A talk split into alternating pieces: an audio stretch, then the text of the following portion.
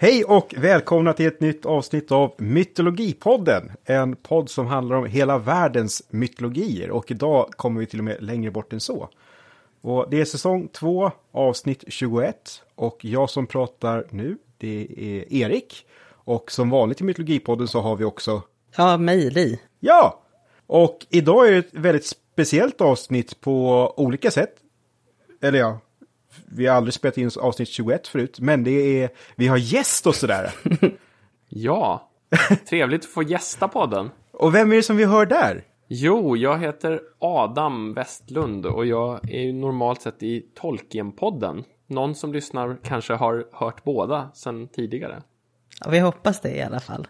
Och för de som inte har lyssnat så eh, officiellt Adam, är du, du är fortfarande Sveriges främste Tolkien-expert?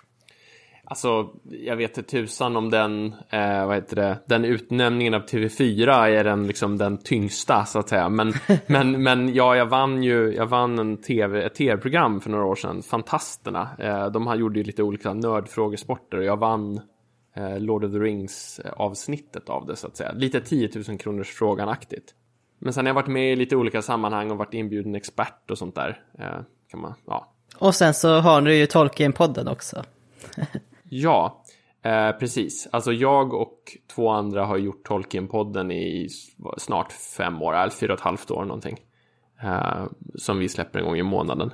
Kul. Ja, och med den introduktionen så tror jag våra lyssnare kan gissa vad vi kommer att prata om i det här avsnittet.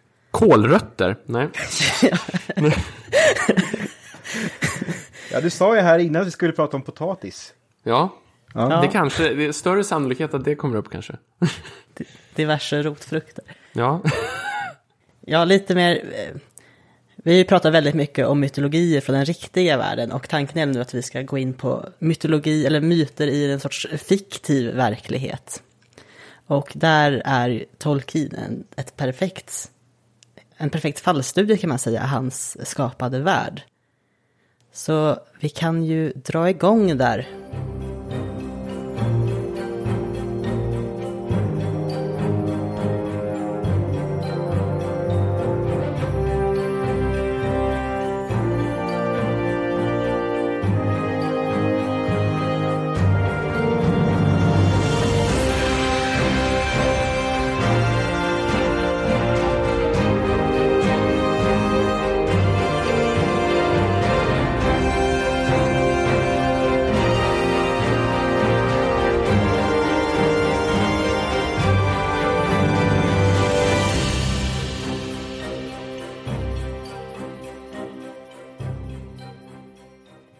Ja, och eftersom vi kanske har lyssnare då som inte är jättebekanta eh, med Tolkiens författarskap, så skulle väl du, Adam, kunna ge en väldigt, väldigt kort introduktion om just Tolkien och hans verk. jag kan ju börja med att säga att jag kommer använda den lite försvenskade namnformen Tolkien. Eh, även om, även om jag, alltså ditt uttal är ju mer korrekt som det ska sägas. Men, men när jag pratar svenska brukar jag alltid köra på den ändå liksom. Eh, vi säger ju Tolkien-podden, som är till exempel när vi spelar in. Eh, så att, eh, bara så att ni vet varför vi säger namnet lite olika. Ja, jag har lyssnat på en amerikansk podd väldigt mycket och det har fastnat då. Ja, jag förstår det. Ehm, nej, men i alla fall, J.R.R. Tolkien, eller Tolkien, ehm, var alltså en brittisk författare och eh, även språkforskare. Eh, han föddes i Sydafrika av brittiska föräldrar Eh, 1892 och dog 1973. Han är väl mest känd för breda kretsar för eh, The Lord of the Rings som alltså är en man skulle kunna hävda en trilogi, men han själv hade nog hävdat att det var en roman eh, som gavs ut i tre delar 1954 och 55. Eh, näst mest känd antagligen för eh, The Hobbit som kom ut lite tidigare på 30-talet. Som många säkert har sett filmversionerna av båda de här två verken. Ehm, I akademikerkretsar är han också väldigt känd för eh, sin Beowulf-forskning. Eh, där han fortfarande är en av de, ett av de viktigare namnen. Ja, jag tänker att det är väl lagom som grundintroduktion, tänker jag. Ja, absolut. Vi kommer nog snudda på lite mer vartefter. Jag tänker att själva ämnet idag på något sätt introducerar honom också. Ja, absolut. Jag tycker också, det kommer säga lite grann om min inblandning i det här avsnittet, att jag inte ens visste att han var född i Sydafrika. Jag kan väldigt lite om Tolkien sådär. Så det här blir spännande. ja, nej men det ska bli kul. Vad, vad har du för relation till Tolkien då, Erik? Nej, men det för mig att eh, godnattsaga någon gång när jag var liten. Och så började jag gjuta tennsoldater med orker och dvärgar. Och sen kom filmerna och sen dess så har jag väl sett mig som så här att jag tycker om Sagan om ringen men på nivån att när någon säger åh jag såg Sagan om ringen i helgen då frågar jag förlängda versionen eller? eh, att det, det är mitt sätt att försöka framstå som att jag är insatt. Eh, sen så har jag väl då under tiden här med dig i Mytologipodden. eh, Jag märker hur min YouTube-algoritm har förändrats. Så jag har fått en del kanalförslag med framförallt In Deep Geek och Geek of the Rings. Eller Nerd of the Rings eller vad den heter. Jag har ju då eh, inte läst böckerna sedan jag var liten. Och jag har inte kommit längre än 15 sidor i Silmarillion. Okej. Ja. Och det vet jag att du gör årligen. Och jag Nej. gissar att Adam kanske också gör det. Årligen skulle jag inte säga. Jag har bara läst den ett par gånger. Två, tre gånger. Jag, jag har inte läst allt. Jag har väl typ tio volymer av The History of Middle Earth kvar att ta mig igenom. Så att det finns många, många timmar av läsning kvar för min del. Eh, Men jag försöker ju att liksom eh, ta, ta mig igenom det här, eh, de här extra böckerna eller vad man ska kalla det. Och det är ju väldigt många. Det är ju fler extra böcker nästan om Tolkiens verk än just de här huvudböckerna. Jag skulle säga tveklöst fler. Ja, Det finns en gigantisk mängd bakgrundsmaterial som har kommit ut de senaste åren. Så att man, man blir nästan aldrig klar. nej exakt. Och det kommer nytt hela tiden också. Ja, bara i år kom det ut den här The Nature of Middle Earth som eh, vi ska göra ett specialavsnitt om om några månader när vi är färdiga och har tuggat klart den i podden.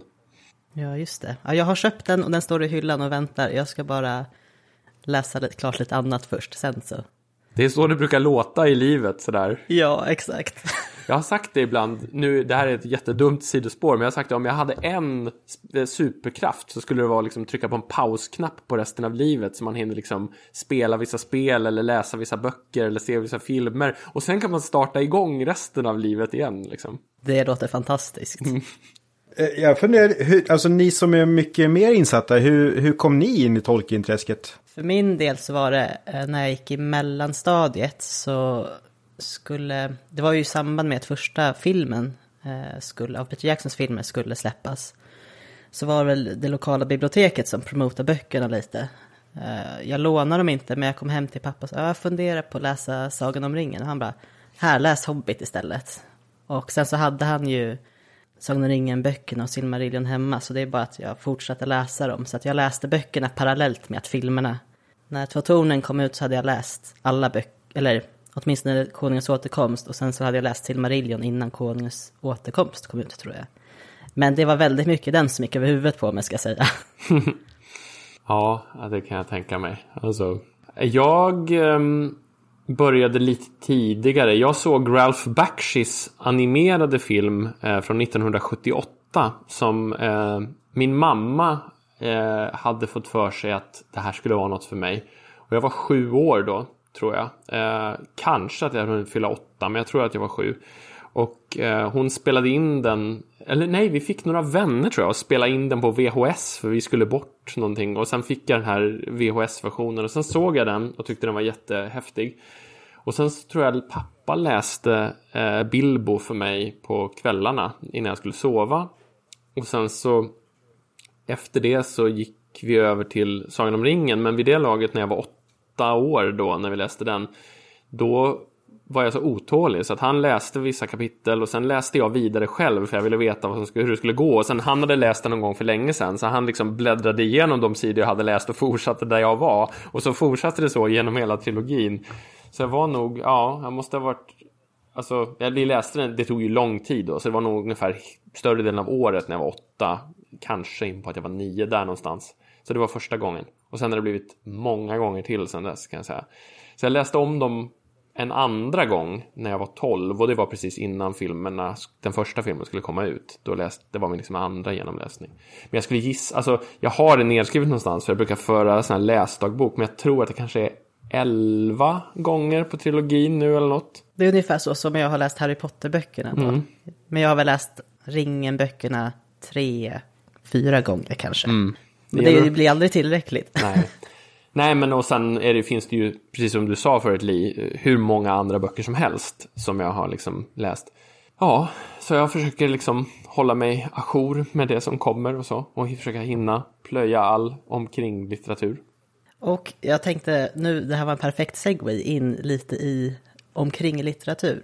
För eh, Tolkien har ju skrivit väldigt mycket poesi också. Och vi- jag tänkte prata, eller vi ska prata lite om eh, det här konceptet, jag vet inte hur man uttalar det på svenska, men mytopoeia, myth, mythopoeia på engelska. Jag tror inte man hör oet så mycket faktiskt, att det är mytopeia eller mytopeia. Mm. Okej, ja, my- mythopeia. Tolkien skrev ju då en, eh, ett, säger man, en, en dikt eller ett, ett poetiskt verk i alla fall med det som koncept. Och själva ordet är ju, är ju grekiska och betyder ungefär mytskapande. Och den här dikten hade så en uppkomst av en diskussion som eh, Tolkien hade med sin vän C.S. Lewis och Hugo Dyson. ja, exakt. ehm, Och vilka är det?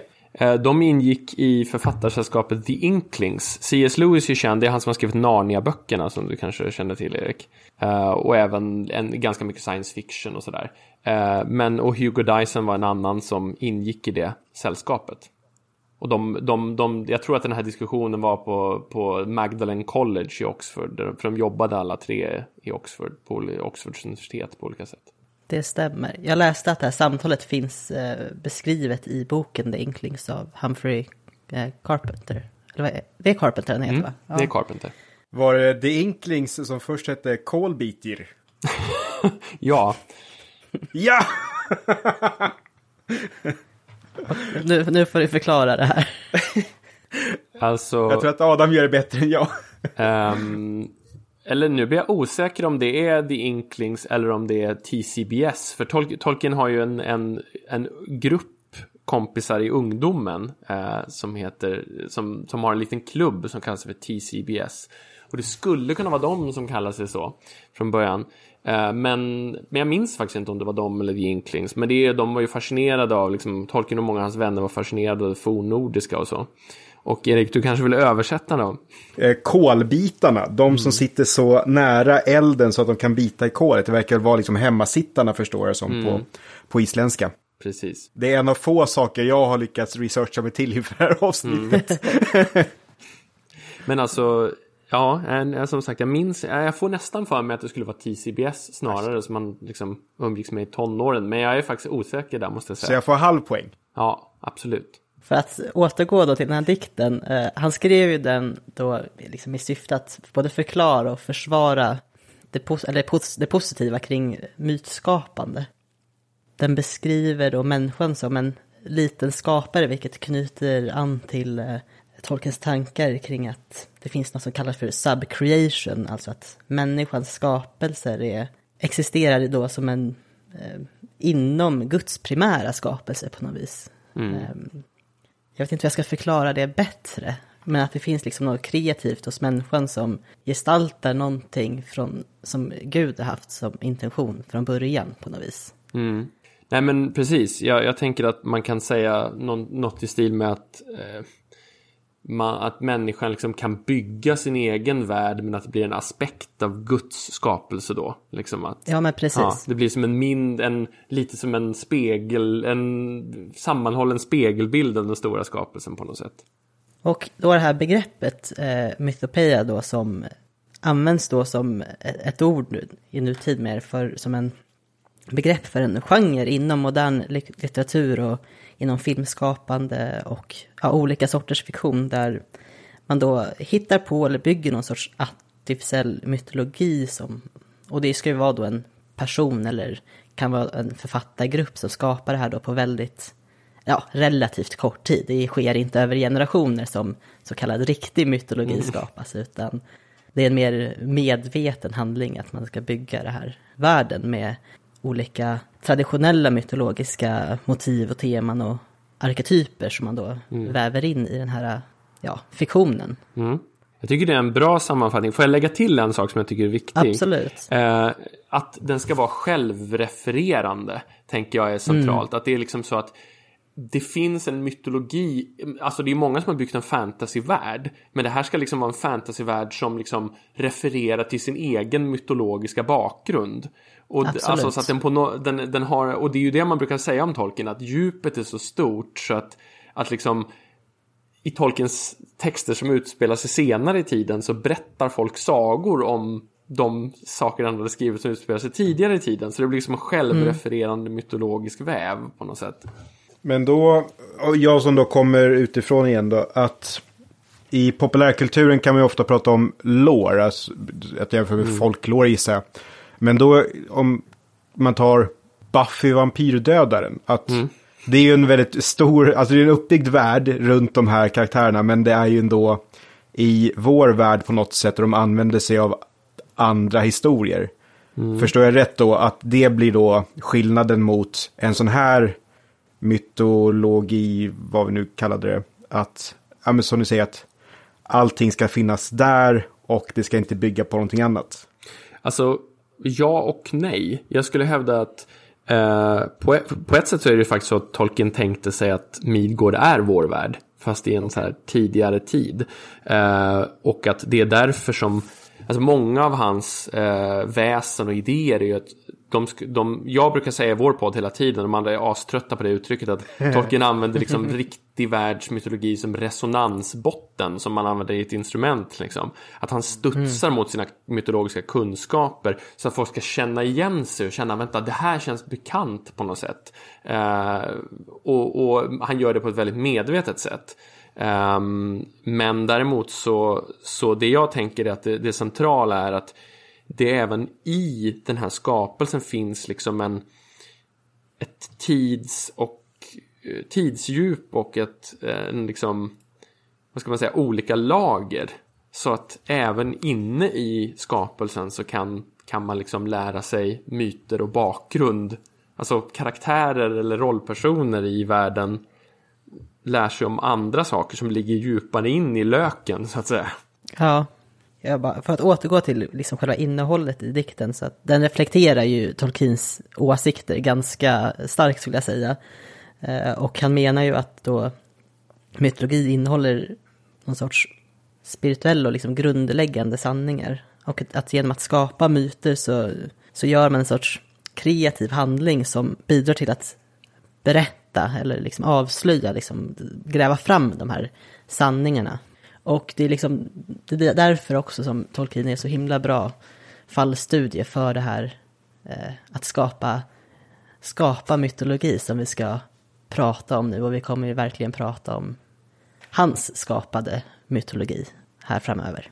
Som du var inne på, att han har ju satt en så extremt hög standard som, alltså det är ju väldigt få som kan eh, nå upp till den standarden överhuvudtaget i fantasy och det är väl kanske därför mycket känns, ja, lite, jag vill inte säga billigare, men ni förstår kanske vad jag mm. menar.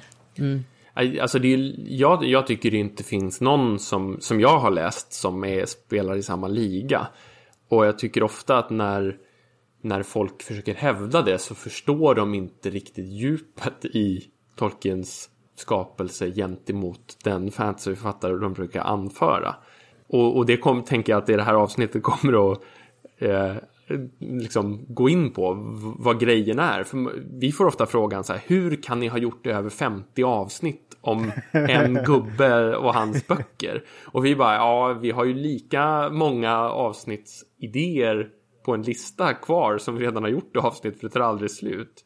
Ja, utöver det här rent eh, mytologiska skapandet som Tolkien har i sin värld så har han ju också gjort en värld som känns väldigt på riktigt och inlevd. Alltså en värld där det finns ruiner och bortglömd historia som karaktärerna i berättelsen inte ser som självklara. De, man lär, de lär sig också vartefter att vi läser böckerna, särskilt kanske i synnerhet hobbiterna. Och han beskriver ju ganska stora förändringar över en väldigt, lång tid också. Och en stor del av att visa de här förändringarna i lång tid är just det här språken, alltså hela, det är ju grunden nästan är ju den här språkets utveckling som på något sätt motiverar honom att skriva mm. de här verken. Verkligen.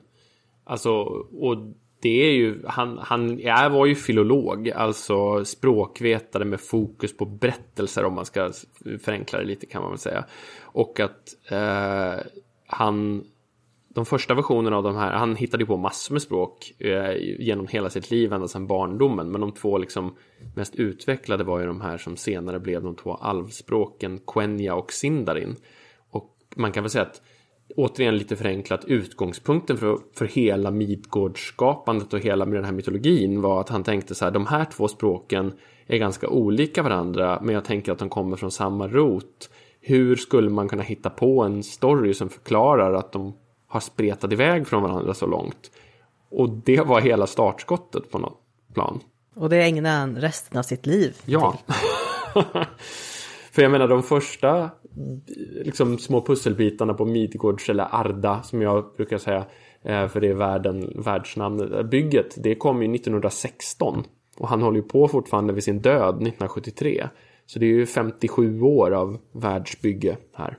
Ja, och innan vi går vidare då så ska vi bara snabbt checka av vilka av de här böckerna han har skrivit är det vi egentligen pratar om när vi pratar om hans skapade värld. Vilka är liksom basen? Alltså jag skulle säga att alltså, ryggraden i, i det är ju eh, Sagan om ringen eller The Lord of the Rings-trilogin. Det är The Hobbit och det är Silmarillion. Sen finns det ju ett helt gäng andra böcker runt omkring som fyller ut. Till exempel den kanske viktigaste är Unfinished Tales. Ehm, som ju som ni hör är liksom ofärdiga snuttar som, som berättar mer om Midgårds historia. Och sen så, som du nämnde förut Lee, uh, The History of Middle Earth. Uh, eh, i och för sig, det kanske var innan vi började spela in, men, uh, men uh, The History of Middle Earth är en, det kanske är den djupaste källan till det här och den mest svårtillgängliga. Som är alltså en tolvboksserie där hans son Christopher har på alltså vetenskaplig basis mer eller mindre gått igenom hela pappas Midgårds författarskap från början till slut med fotnoter och liksom eh, uppskattningar av när olika textversioner skrevs och hur de förändrades och så vidare.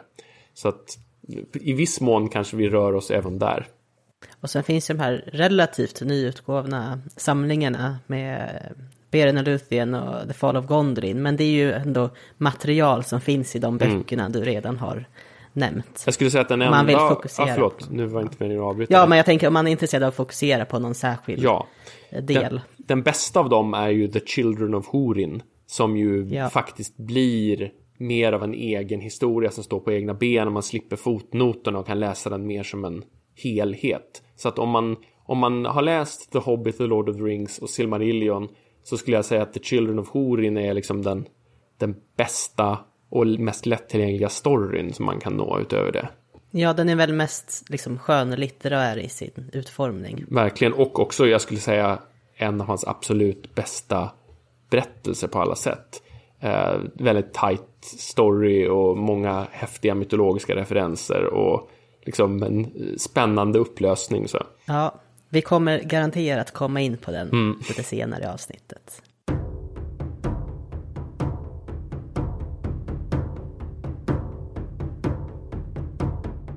Okej, nu ska vi då börja prata om själva världen som Tolkien eh, byggt upp, Arda. Och det som var före Arda kan vi ju börja med kanske.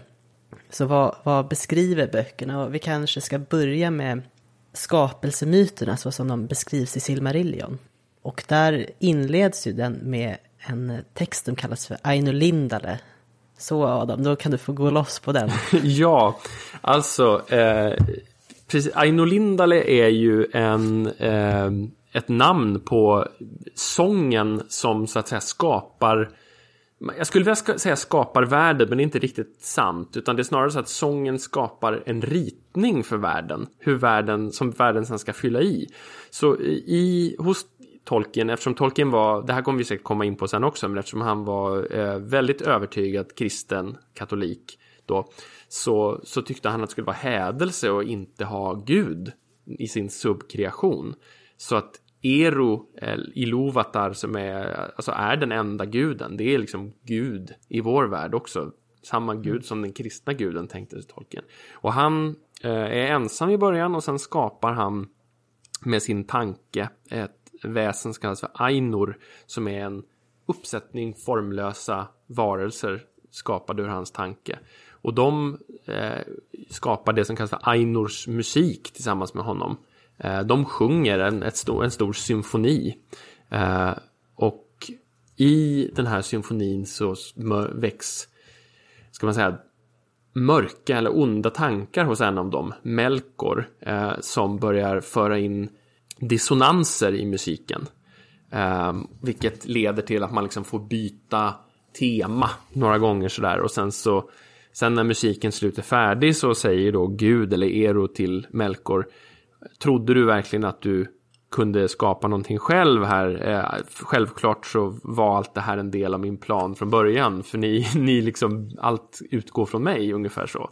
Och sen så så, vet det, så får några av de här eh, Ainor välja att träda in i den här världen. Eh, och de mäktiga de kallas för Valar sen eh, och blir en sorts panteongudar. Och de lite mindre mäktiga som blir någon sorts halvgudar eller tjänare eller väsen kallas för Majar. Eh, och de, de träder in i den här världen och inser då eh, att oj, världen är inte färdig som vi såg den i den här sången utan vi har liksom skapat någon sorts ritning och nu måste världens historia så att säga fylla i ritningen nu, nu återger ju inte jag precis som det står utan mer som andemeningen är. Um, ja. Och då sen så gör den här Melkor uppror även inne i världen och blir en sorts mörkrets furste. Och den stora liksom, berättelsen sen handlar ju om liksom, kampen mot honom mellan ljus och mörker. Med mm. väldigt kort sammanfattning. Just det, och de här valar de har ju alla olika attribut på liknande sätt mm. som många av de här polyteistiska gudagrupperna ja. som vi kan se i riktiga mytologier. Att man har Manwe som är någon sorts luften och vindens gud. Mm. Och Ulmo som är havets gud. Och så vidare och så vidare. Har vi några av dem som sticker ut lite extra om man jämför med de verkliga, eller de här mer kända europeiska och egyptiska gudarna vi känner till? Alltså jag skulle ju säga att um, de är ju mycket mer prydligt indelade än verkliga mytologier. Det vet mm. jag tidigare när jag lyssnade på några av era avsnitt också att ni har pratat om det. Att mm. I verkligheten så är ju inte gudar sorterade i fack sådär noga liksom. Eh, Absolut, även om vi gärna vill lägga ja, in dem i fack nu så här efterhand. Alla moderna böcker har alltid sådär liksom, ha, ja. tvingar in gudar i fack som, som blir sådär. Men, men man kan väl säga att nja, alltså det, det det, vi har ju som du säger Manwe är liksom luften och någon sorts himmelsfader och Ulmo är vattnet som du säger och Aule är en sorts bergen och skaparguden och så här. Och sen så finns det ett helt gäng eh, men det, det, det, är liksom en balans mellan manliga och kvinnliga och sådär. Eh, en som jag inte tänkte så mycket på kopplingen som jag liksom blev uppmärksam på för något år sedan eller två. Det var ju att Orome som är en, en sån här jägargud som jag har tänkt mest liksom, det finns en koppling till Orion och sådär. Han är också väldigt inspirerad av Heimdall. så alltså att han har det här att han har på ett horn och att eh, han är en väktare mot ondskan och sådär. Så att det finns några sådana. Men jag skulle säga att förutom att några, att det finns liksom lite fler, Tolkien var ju väldigt förtjust i natur, att det finns lite fler uppdelningar på olika naturgudomar, någon som är specialiserad på blommor och sådär. Så så skulle jag hävda att det är ganska klassiskt ändå. Jag har en som jag inte är helt säker på om jag, eller som jag blev ganska sent mm. uppmärksammad mm. på och eh, det är Njenna, mm. alltså gråterskan, mm. som jag tycker är väldigt liksom, intressant. Eh, eh av, de här, mer kvin av de här kvinnliga eh, gudinnorna, mm. eller valar. Hur var det nu? Var hon Nej, det var inte hon som var syster till... Jo, hon är syster, det det. till, hon är syster ja. till dödsguden Namo som oftast kallas för Mandos och hans bror Irmo som är någon sorts dröm dröm och vila gud. Så. Um, och, och hon är, hon har ju någon sorts, alltså jag skulle säga att hon påminner delvis om liksom kristna idéer på olika sätt för att hon liksom sörjer ondska och mörker och sådär. Men sen har hon ju Mm. också lite så här Cassandra från grekisk mytologi och Iliaden och sådär över sig. Hon är ju lite av en profetisk eh, gestalt som, som uttalar sanningar om Mm. vad som ska komma att hända och sådär. Så då har vi pratat lite om det här panteonet med olika gudar och majar. Majar, de här typ eh, andarna eller liksom lite mindre krafterna, eller vad man ska säga. Där har vi ju åtminstone Istari, trollkarlarna, som träder in då till eh, Midgård. Liksom. Gandalf är väl det mest kända av dem. Men vad har vi, det finns väl fler andra varelser som räknas till den här gruppen av majar. Absolut. Sauron är väl kanske den allra kändaste utöver Ja. dem. Han, han är ju en av Majar då. Sen så har vi Eh, i Silmarillion så finns det några som har ganska stora roller. Eh, vi har till exempel Eonwe som är gudarnas härold. Det är vad heter det, mm, Melian som, som är, blir eh, som gifter sig med en alvkung som heter Thingol. Och hon, hon liksom blir någon sorts, vad ska man säga, magisk hon skapar en magisk barriär mot ondskan som står sig väldigt länge. Och hon blir också mamma till Luthien Tinoviel som Tolkien baserade på sin egen fru som är liksom den vackraste av alla kvinnor genom alla tider. Så. Eh, och som också är Arwens eh, anmoder. Som blir så här mytologiskt viktig, liksom någon sorts historisk bemärkelse Mm. i, i, i världen där då. Verkligen. Eh, och otroligt viktig för Tolkien. Alltså på Tolkiens och hans frus gemensamma gravsten eh, som jag besökte för några år sedan så, så står det Beren och Luthien förutom deras riktiga namn.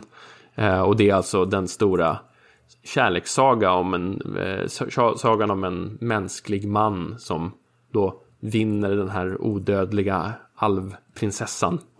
Och att de, hur de liksom går igenom mörkret och döden tillsammans, skulle man kunna säga. Och, och då om jag får tala för oss som bara tittar på filmerna då och då. Visst är det här som Aragorn sjunger om i Ja. Sagan om ringen? Helt Ja. rätt. Yes! Jag, vill, alltså jag tänker flika in allt jag kan komma med i det här avsnittet. Så jag vill också säga, är inte Balrog en Majar? Jo, absolut. Ja! Ehm, eh, bal Balroggarna är också majar, eh, absolut. Och det finns ett helt gäng till. Men du har rätt, det är nog det, alltså förutom Sauron och trollkarlarna så är det nog de, den som är mest känd för gemene man, den Balrog som de möter. Det har ju funnits fler tidigare i Silmarillion. Något då mer som då skapas av Iluvatar är ju då det som kallas, de som kallas för Iluvatars barn. Alver och människor som Iluvatar då har en särskild plan för. Eh, Men en av Valar skapar ju sina egna varelser också, dvärgarna. Så vi skulle kunna gå in lite snabbt på hur själva hur tanken var med varför finns alver, eller inte varför, men, men alver introduceras ju först till världen. Och sen någon gång därefter kommer dvärgarna och människor, även om på något sätt dvärgarna hade ett, var vakna ett tag först, men sen fick de ju sova. Vill du berätta lite mer om det? Adam? Ja, Tolkien fuskar lite där, tycker jag. Ja. Men, men då är det alltså så att Iluvatar, alltså Gud, han har då två barnskaror, precis som du sa Li. Eh, Den, Iluvatars första barn, alltså alverna, och Iluvatars andra barn, människorna. Och alverna är ju hos Tolkien väldigt mycket som en sorts alla människans goda sidor, kreativitet och visdom och allting sånt liksom är avspeglade i dem. Och de kommer först och de ska vakna i världen. Men en av Iluvatars tjänare, Aule, han är väl kan lättast att likna vid Hephaistos skulle jag säga i klassisk mytologi. Han är liksom kopplad till bergen och till smed, smedrollen eh, och så vidare. Och han, eh, han blir så entusiastisk i det här så han vill skapa sina egna varelser och då formar han dvärgarna. Och eh, först så, så blir han då Gud eh, säger till honom vad håller du på med nu? Och, och då ångrar han sig och ska slå sönder dem och då ryggar dvärgarna tillbaka och då säger Aule, men, eh, då säger Gud, alltså Iluvatar, ser du inte att jag redan liksom har gett dem ett, en egen vilja och tanke. Annars skulle de inte kunna röra sig utan dina order så att säga. Eh, jag har alltså redan godkänt ditt eh, verk här och inkorporerar dem i, i min skapelse. Eh, men de är alltså inte en del av den där Alltså man kan väl säga att allting egentligen är Guds plan men de är inte en del av ursprungsritningen så. Och de, som du sa då, så är det så att de får inte vara först. Det är Guds eh, villkor är då att de ska läggas i dvala tills alverna har vaknat. Så de har alltså en kort, kort stund av medvetande här innan de läggs i sömn och sen så vaknar de upp på olika platser. Man får bara veta att det är sju fäder till dvärgfolket men i sina sena texter så skriver Tolkien i någon fotnot att det är ett sju dvärgmödrar också som ska på något sätt förklara hur de kunde eh, fortplanta sig så att säga. Mm. Eh, men, men i alla fall, och senare då i historien, fortfarande i den djupa urtiden så vaknar också människan, men långt efter alver och dvärgar. Precis. Det där är väl på något sätt basen. Nu har vi alla varelser, vi har en värld som allting kan utspela sig i. Och mycket av resten då i Silmarillion är ju de här olika historiska händelserna, legenderna. Mm. Får jag lägga till en sak till där bara som jag tycker är viktig. Det är det här med mörkret. Alltså att eh, Tolkiens tanke som, som katolik och, eller kristen då var att det onda kan inte skapa någonting. Så allt från ondskan är förvridna versioner av sånt som redan finns. Ja, det är viktigt. Så, så Melkor, som alltså då är den här lite Lucifer-figuren, han utropar sig själv till världens konung så att säga och eh, torterar alver och skapar orkerna. Senare så tror man också att han förvrider enter och skapar trollen. Eh, så för han kan då inte skapa någonting eget. Det tänker jag att det är ju den konflikten som på något sätt skapar spänningen i, i verken. Att den här, mm. den här tudelningen i ljus och mörker görs. Sen måste jag tänka, det här med Silmarillion är väl framförallt nästan ett verk som beskriver alvernas historia i synnerhet då. Mm. Och även från alvernas perspektiv. Ja, så att det skulle lika gärna kunna funnits en bok där människorna har en helt annan uppfattning mm. av hur, hur eh, världen fanns till. Men alverna, de har ju åtminstone, de har ju träffat gudarna, de har levt mm. med gudarna. Så att därför är ju den här beskrivningen på något sätt inte en, inomvärldsligt är ju inte en mytologi, utan det är ju verklighet. Mm. Precis. Även om det kanske är ganska få kvar i, från de generationerna som faktiskt hade träffat gudarna som är ute i världen. För det kan vi ju kanske nämna bara att det finns ju, om man förenklar jättemycket, två huvudsakliga kontinenter som kommer in i berättelserna i Silmarillion, Tolkiens förhistoria. Det ena är Midgård, det som vi känner till. Eh, men det är delar av Midgård som, eh, som är sjunkna i havet vid tiden för Lord of the Rings, där huvuddelen av handlingen utspelar sig. Sen har vi då på andra sidan Aman, som är gudarnas kontinent, på västra sidan om havet. Alverna och människorna vaknar upp i Midgård båda två. Och alverna erbjuds innan, långt innan människorna kommer att komma till gudarna och många av dem tackar ja och anträder en lång färd till västern och tas in där. Men huvuddelen av sin Silmarillion handlar om att den här Melkor kommer också dit och han manipulerar alla och skapar ett uppror bland alverna mot gudarna. Och många av alverna lämnar då en i en eh, Aman eh, och färdas tillbaka till Midgård. Men där är då Melkor kung kan man säga. Och de har nu lämnat gudarnas land och har inte längre gudarnas stöd utan de måste själva tillsammans senare då med människorna som kommer in i världen eh, utkämpa en desperat kamp eller ett krig mot, mot en mörk gud skulle man kunna säga. Mm. Och det kan egentligen bara gå på ett sätt, ganska illa.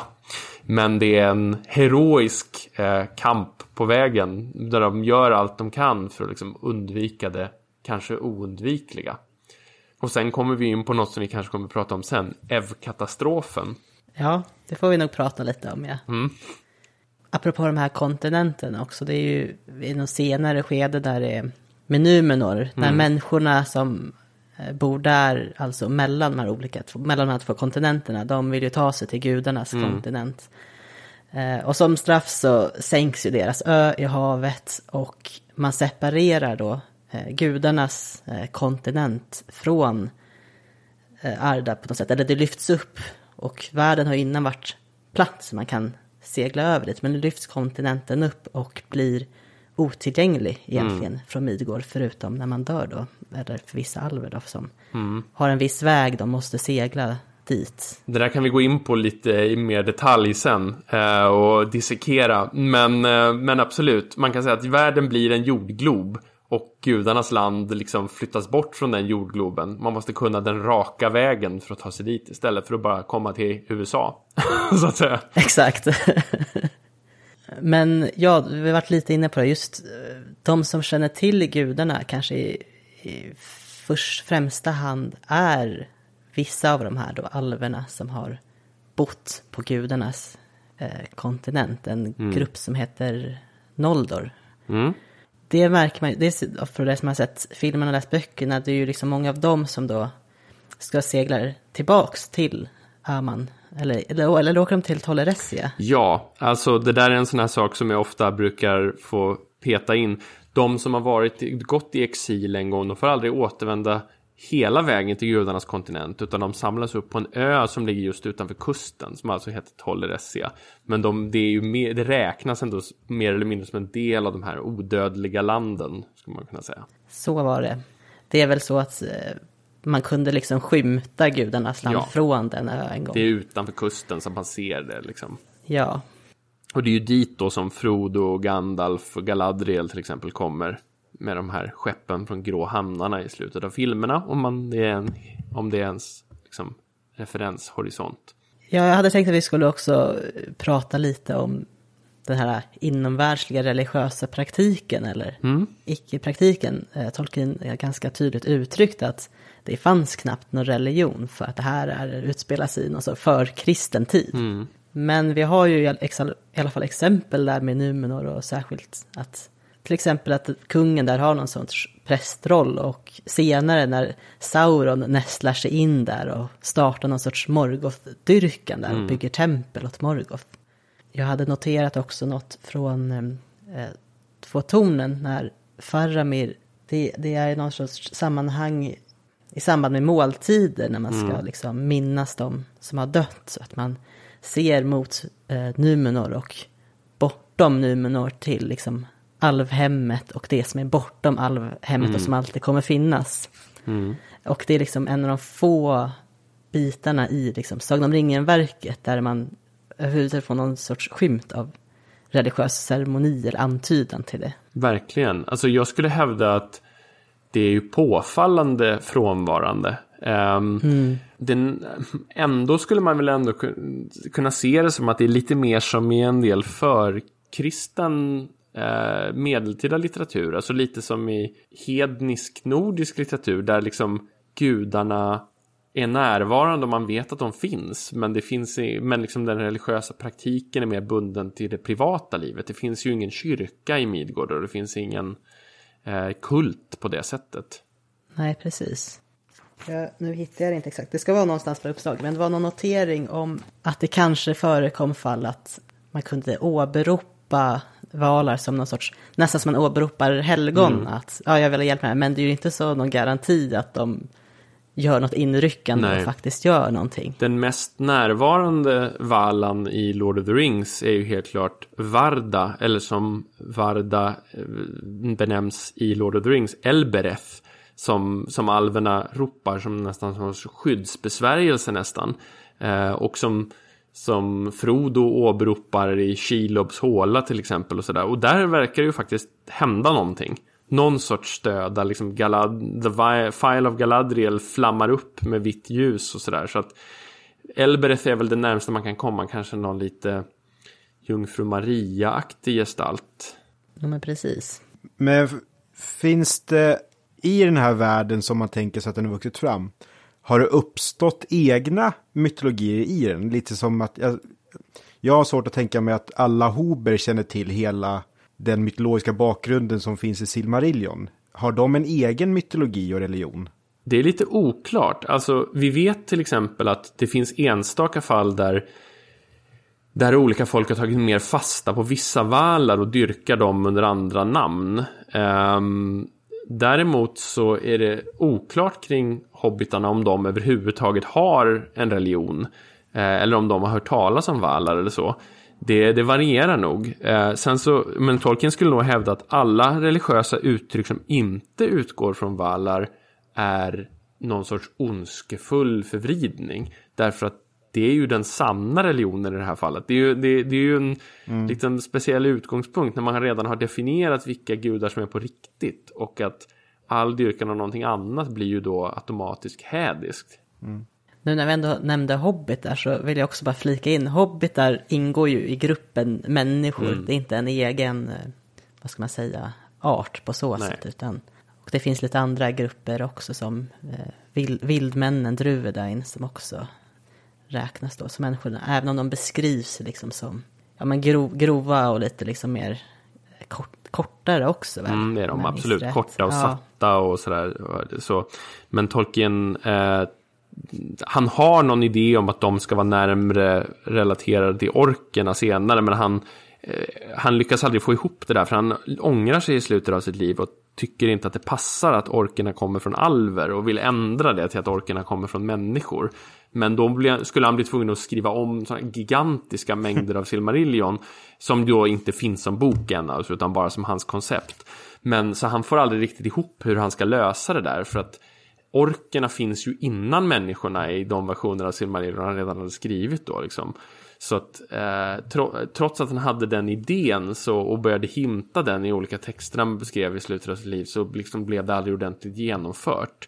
Så när hans son Christopher skulle ge ut Silmarillion några år efter pappans död, då var ju det liksom ett pusselarbete där man fick välja vilka textversioner passar med varandra. Och då gick det liksom inte, trots att han visste att tanken hade varit att orkerna skulle komma från människorna, så gick det inte att få ihop en version där det liksom gick samman, utan han valde den äldre versionen där, där allt ändå stämde in någorlunda.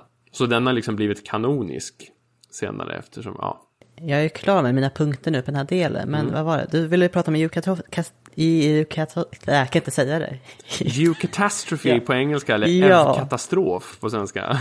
Ja. Um, ja, alltså det är ju någonting som tolken, alltså det har ju lite med mythopoeia eller mytopeia att göra uh, också. För att den här dikten som du nämnde i början, den, mm. Han tar ju upp konceptet igen i något som heter On Fairy Stories som är en föreläsning från början som han höll 1939 och som sen publicerades först i en festskrift 1947 om jag minns rätt och sen som, som en del av boken Tree and Leaf 1964 eh, när han var ganska gammal. I vilken den här Mythopoeia också läggs till i någon senare utgåva, precis. inte i originalutgåvan. Mm. Helt precis så. Och vet du, um, i den här On Fairy Stories så diskuterar Tolkien ganska djuplodande vad han tänker är det speciella med sagan, eh, The Fairy Story, och menar att liksom, vissa använder det här i för brett, bred bemärkelse och att det är någonting speciellt med det här att det utspelar sig i ett magiskt annat land och att han försvarar då att det är väldigt viktigt det här att kunna liksom han, han menar till exempel att attacker mot eskapism, att folk tycker det är någonting fult och dåligt, det är dumma därför att liksom skulle man säga att det är dåligt av fången att fly sitt, sitt lidande en stund, ungefär mm. så. Men, men där, så, där menar han också att en central aspekt i saga som han definierar det då är att den slutar med en motsatsen mot en katastrof.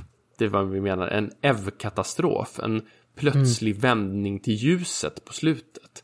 Så det är liksom att eh, mot alla odds besegrar det goda det onda till slut. Att det är någonting väldigt definierande för sagan. Och han, alla hans eh, stora berättelser slutar ju med, alla tidsåldrarna och på så, slutar med en ev-katastrof där det goda besegrar det onda. Skulle man kunna säga. Mm.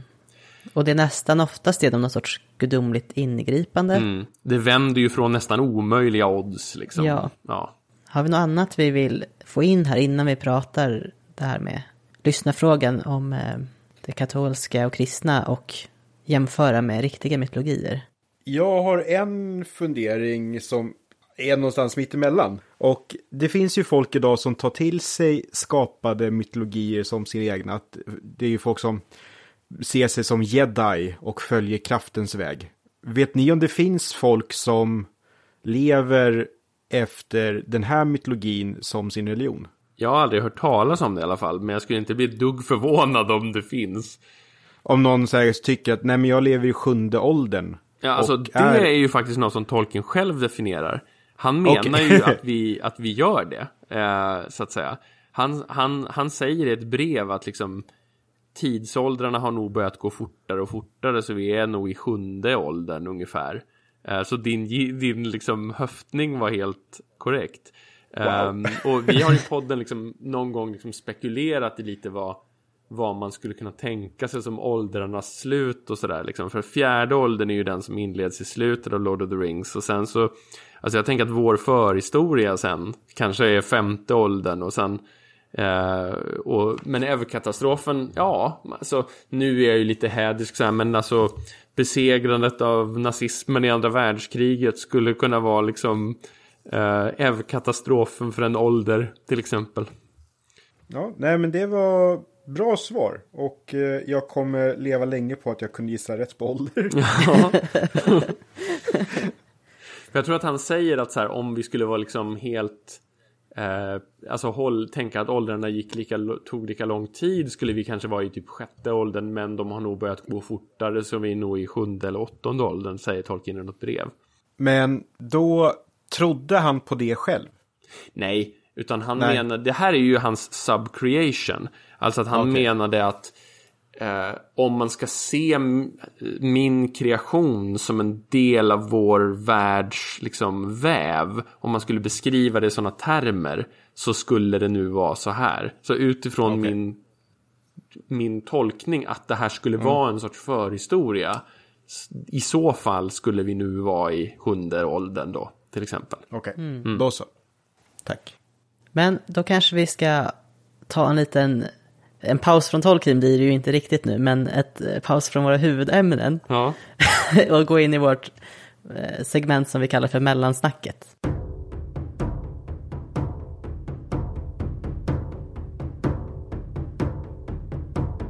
Dags för månadens Nils. Och eh, då står det citat. JRR var en troende katolik och han ska ha sagt att Lord of the Rings är en katolsk berättelse. Vilka mytologiska element från katolska, kristna eller abrahamitiska tron kan återfinnas i Lord of the Rings? Ja, hur lång tid får jag på mig? Det här går det att säga mycket om. Ja, men du, du får ganska gott om tid. Ja, jag kör då. Um, jag skulle säga att eh, för det första så är det viktigt att förstå att precis som vi har sagt så finns det ingen kyrka i Midgård, utan det finns inte så mycket som syns på ytan. Uh, men precis som vi har pratat om, det finns ju en, en gud eh, för, för världsalltet. Alltså som den abrahamitiska enda guden. Och som tolken tänker sig är gud, så att säga. Så det är en förutsättning som man kan grunda med. Men det finns jättemycket mer även i själva verket Lord of the Rings. Eh, som jag tänker, eftersom frågan fokuserade på det, kan vi prata mer utifrån den. Som är kristet. Men mycket av det liksom ligger på en mer strukturell nivå. Eh, till exempel, eh, nu, nu, kommer jag börja rabbla här så att nu får ni stoppa mig om det blir väldigt... I... Men eh, grundläggande då till exempel, ringen förstörs den 25 mars. Och den 25 mars är dels det traditionella datumet i anglosaxisk tradition för Jesus korsfästelse. Mm. Och dels så är det Jungfru Marie bebådelsedag, alltså dagen när Jungfru Maria får reda på av ärkeängeln Gabriel att hon är gravid med Jesus. Och det är ju självklart ingen slump. Att det är liksom när ljuset föds in i världen, när liksom hoppet och, och frälsningen kommer, det är liksom dagen när ringen förstörs. Eh, från Tolkiens perspektiv. Sen har vi ju då eh, ett jätteviktigt tema i Lord of the Rings är nåden. Frodo misslyckas ju med sitt uppdrag.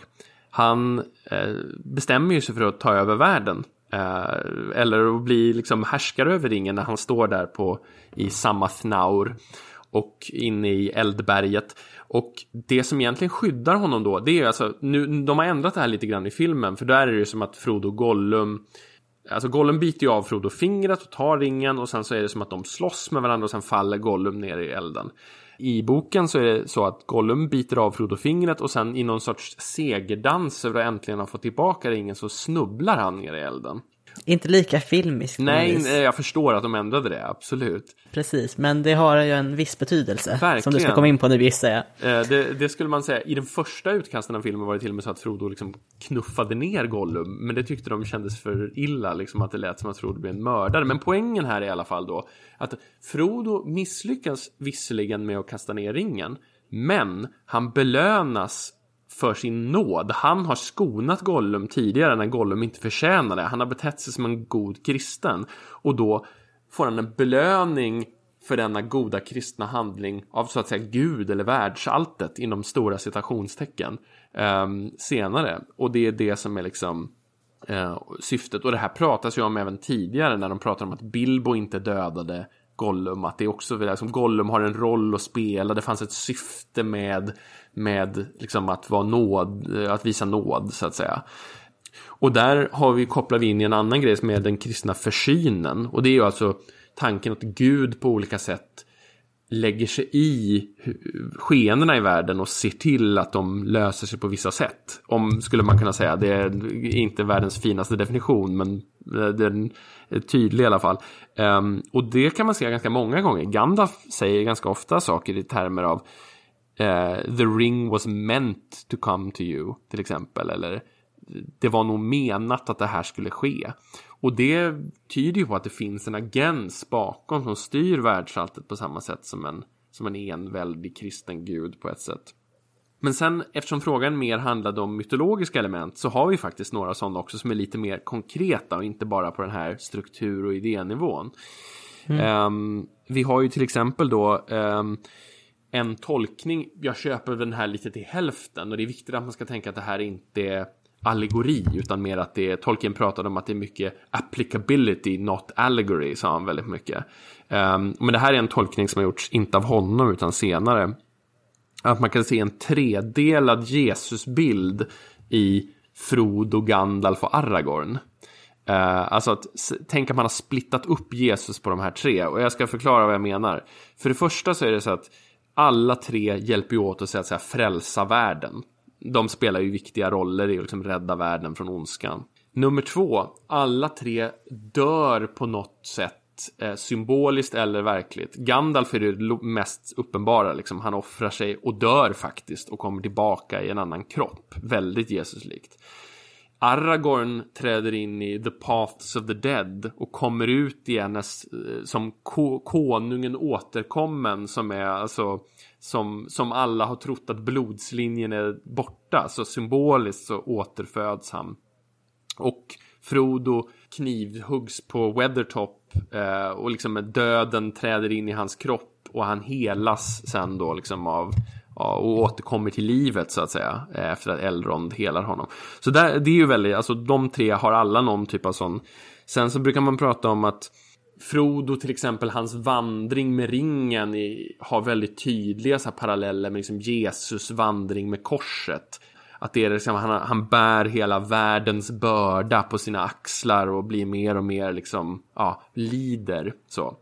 Och sen kan man ju också säga det att man brukar ibland prata om, jag vet inte om ni har pratat om det i podden någon gång tidigare, men att man brukar prata om Jesus, eh, Kristus tre roller som präst, profet och kung. Ja, vi har inte tagit upp det innan. Nej, men, men det, är, det är ju en ganska klassisk uppdelning så här. Och då, brukar, då menar man då liksom att kungen är Aragorn, profeten är Gandalf som kommer liksom budskapet och prästen är Frodo som gör det här liksom riten som ska uppfylla syftet. Alltså, ja, som sagt, det här är en väldigt kristen tolkning, men jag återger ju bara då vad, hur, hur man har sett det.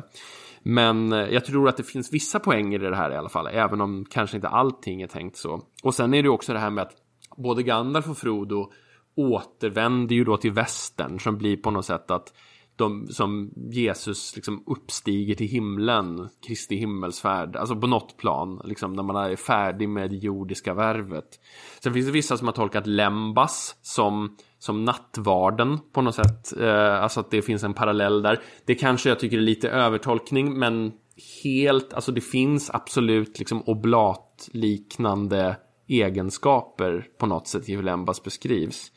Eh, och sen det kanske viktigaste, eh, eller sen de här första grejerna jag sa, det är ju det här väldigt katolska i det försonande lidandet. Alltså att karaktärer som till exempel Frodo på något sätt betalar för sin skuld att misslyckas genom att lida på vägen. Men framför allt syns det här i Boromir.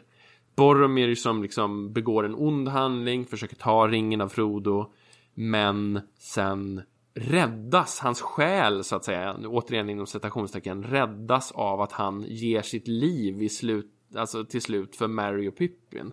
Han lider och dör för ett gott syfte och det är ju någonting väldigt katolskt i det här. Dels med den goda intentionen och dels det här att, att ångra sig i slutet av livet har en väldigt stor inverkan. Um, och Gandalf säger det till, till och med att så här, Boromir kom undan till sist och att om det inte fanns något annat syfte med att ta med Mary och Pippin så var det åtminstone att de liksom var Boromirs väg till liksom frälsningen undan hans inre mörker. För att han liksom, mm. han betalar tillbaka med sitt lidande och sin död på slutet. Och det, det där känns ju väldigt katolskt tycker jag. Och ingen slump alls tror jag. Så här har ni ju fått liksom ett helt batteri av kristna inslag. Ja, jättebra. Det var flera av dem där som jag överhuvudtaget inte ens eh, reflekterat över eller kommit över att någon annan har liksom skrivit om det. Så det var kul med lite nytt. Ja, vad roligt att jag kunde bidra med det. Visst hade ni pratat liksom också om kristna teman i något av era mm. avsnitt? Vi hade ett, ett live-avsnitt eh, faktiskt, där vi var, det, det är det enda Ja, förutom vår Oxfordresa så är det vårt enda avsnitt där vi faktiskt har gäster. Och då var vi alltså, det var ju i anslutning till en konsert där min poddkollega Daniel spelade Tolkien-musik med två andra. Så en av de andra musikerna, hon var med i, även i den här podden, livepodden. Men framförallt så hade vi en eh, Tolkien-intresserad och initierad präst som kom med det mer utpräglat kristna perspektivet som vi diskuterade då. Och det finns, det är ett av våra avsnitt, eh, minns inte avsnittsnumret, men det heter Tolkien och kristendomen och går bland annat lite in på det här. Då tycker jag att de som är väldigt intresserade eller vill veta mer ska klicka sig vidare dit och lyssna på det sen. Mm. Vi får lägga upp en länk till er podd helt enkelt i, i avsnittsbeskrivningen. Så löser det sig. Så hoppas vi att Nils är... Nils måste ju vara väldigt nöjd över det här svaret. För jag är, jag är nöjd.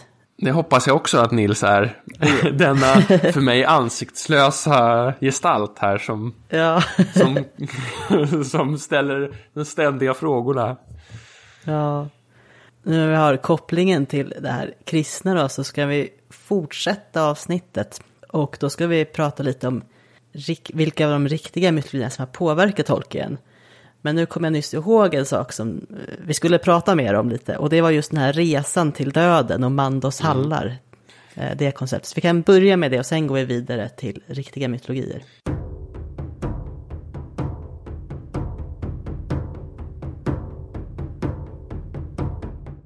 Ja, det här vill jag först säga att här är filmen och böckerna lite olika. Och det är ganska viktigt. För att filmerna har förenklat det här ganska mycket för att de tänker att det ska vara så svårt att introducera det till tittarna annars. För i böckerna framstår det ju som lite att Val i norr, alltså gudarnas land, i Aman i väster, att det bara är så att säga synonymt med himlen, en plats dit man kommer när man dör. Mm. Men riktigt så enkelt är det inte eh, i böckerna. Alltså i, hos Tolkien så är det då så att alverna och människorna har olika öden.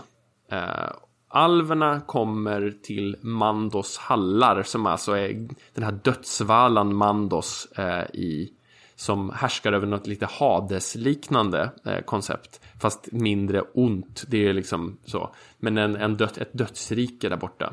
Och där så dväljs de en tid och sen kan deras själar återfödas i en ny kropp. Så här introducerar Tolkien reinkarnation. Och då är det kändaste exemplet är väl alven Glorfindel som eh, stupar i alvstaden Gondolins fall i första åldern och sen är tillbaka i Lord of the Rings. Och i slutet av sitt liv så skriver Tolkien och uh, bekräftar att det är samma Glorfindel. Det är inte två personer med samma namn.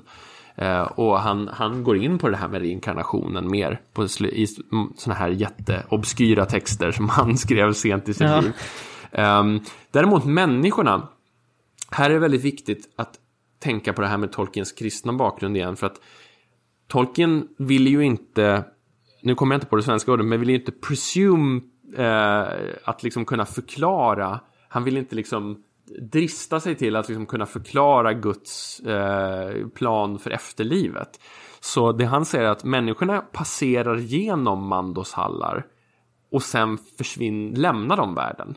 Så alverna är bundna till världens cirklar och kan liksom komma tillbaka. Men människorna lever ett kort liv och lämnar sen världen. Och det är för att liksom Midgård ska, som subkreation ska ligga i linje med, med den riktiga världens kristendom utifrån Tolkiens tanke. Så till exempel, alltså människorna som dör, de, de seglar ju inte västerut utan de passerar snabbt genom de här hallarna och sen lämnar de världsalltet till ett okänt öde så att säga där Gud någonstans eh, liksom samlar dem vet vi inte. Och sen har vi dvärgarna som eh, man, vi vet ännu mindre om och där får vi faktiskt bara reda på dvärgarnas eget eh, religiösa tänk. Och det är apropå det här vi pratade om i mytologi. Dvärgarna tror själva att de samlas i speciella hallar i västen av deras skapare Aule. Medan mm. alverna lite rasistiskt säger att de tror att dvärgarna återgår till stenen som de säkert kom från en gång. Ja, för alverna kan ju inte vara helt säkra på vad som händer med dvärgarna. Nej, de har ingen aning, men de, de har en väldigt nedlåtande syn på dvärgarna som mm. inte liksom inte barna vid Lovatar. Men dvärgarnas, Tolkien formulerar sig ju ofta på ett sånt sätt att det är lite osäkert och i det här fallet är det ännu mer osäkert för det, det sägs att man vet inte men dvärgarna tror själva det här att de liksom samlas upp. För de ingår inte i liksom den grundläggande planen ungefär så. Mm. men det här att segla över till västern i bokstavlig bemärkelse det görs ju av alverna eh, för att återvända dit. Men det är inte, det är inte synonymt med att dö. Så när Frodo och många andra, det är flera av de här eh, som seglar över senare. Bland annat Gimli. Ja, Gim, precis. Legolas och Gimli, eh, Sam senare när hans eh, fru har dött och han har liksom, hans barn är vuxna och så. De dör ju inte i, i se, seglatsen utan Frodo och Bilbo och Sam och alla de här som inte är odödliga, de kommer att spendera en tid i liksom frid och vila och liksom läkedom. Och sen kommer de att dö på Tolleressia, den här ön utanför gudarnas land. Och sen kommer de då i egenskap av människor, hobbitarna som du sa förut Li, är ju människor i den bemärkelsen, passera ut ur världen och till ett okänt öde. Så jag har hört en del tolkningar när folk pratar om att ja, Frodo och Sam spenderar evigheten ihop för att alltså, men det är att man inte riktigt har förstått Tolkiens mytologibygge. Det är bra att du är här och reder ut detta. och om man seglar västerut, kan man träffa någon som har dött då? Um, nej, det, nej det, skulle, det kan man inte. Alltså om, om, du, om du som människa skulle erbjudas att segla västerut med alverna under väldigt speciella omständigheter så skulle du inte kunna träffa någon som har dött. Däremot så kanske du som människa när du dör och passerar ut ur världen efter att du har varit i Mandos hallar. Där utanför världen möjligen skulle kunna träffa någon igen men det vet vi ingenting om eftersom Tolkien inte vågar sig på att förklara det. Så att det men alverna däremot om de dör vilket de ju bara, bara gör under speciella omständigheter då kan de eventuellt träffa någon i Mandos hallar. Eller någon kan återvända från Mandos hallar till världen igen. Och de kan ju kanske träffas igen den enda gången som det här upphävs, det här systemet som vi vet är i den här stora kärlekssagan om Beren och Luthien. Där eh, den dödliga mannen Beren dör faktiskt. Men att eh, Luthien bevekar Mandos. Alltså deras kärlek är så stor så att hon liksom lyckas få dödsguden att, att släppa Beren. Eh, hon, hon offrar sin eh, odödlighet och hon, hon, hon får honom rörd helt enkelt och de får återvända under en kortare tid i världen för att leva tillsammans. Eh, och det är ju någonting oerhört ur Tolkiens liksom, mytologiska perspektiv. Mm. Att det här tillåts. i och med att hon ger upp sin eh, odödlighet har ju det påverkan på deras barn sen. Mm, precis.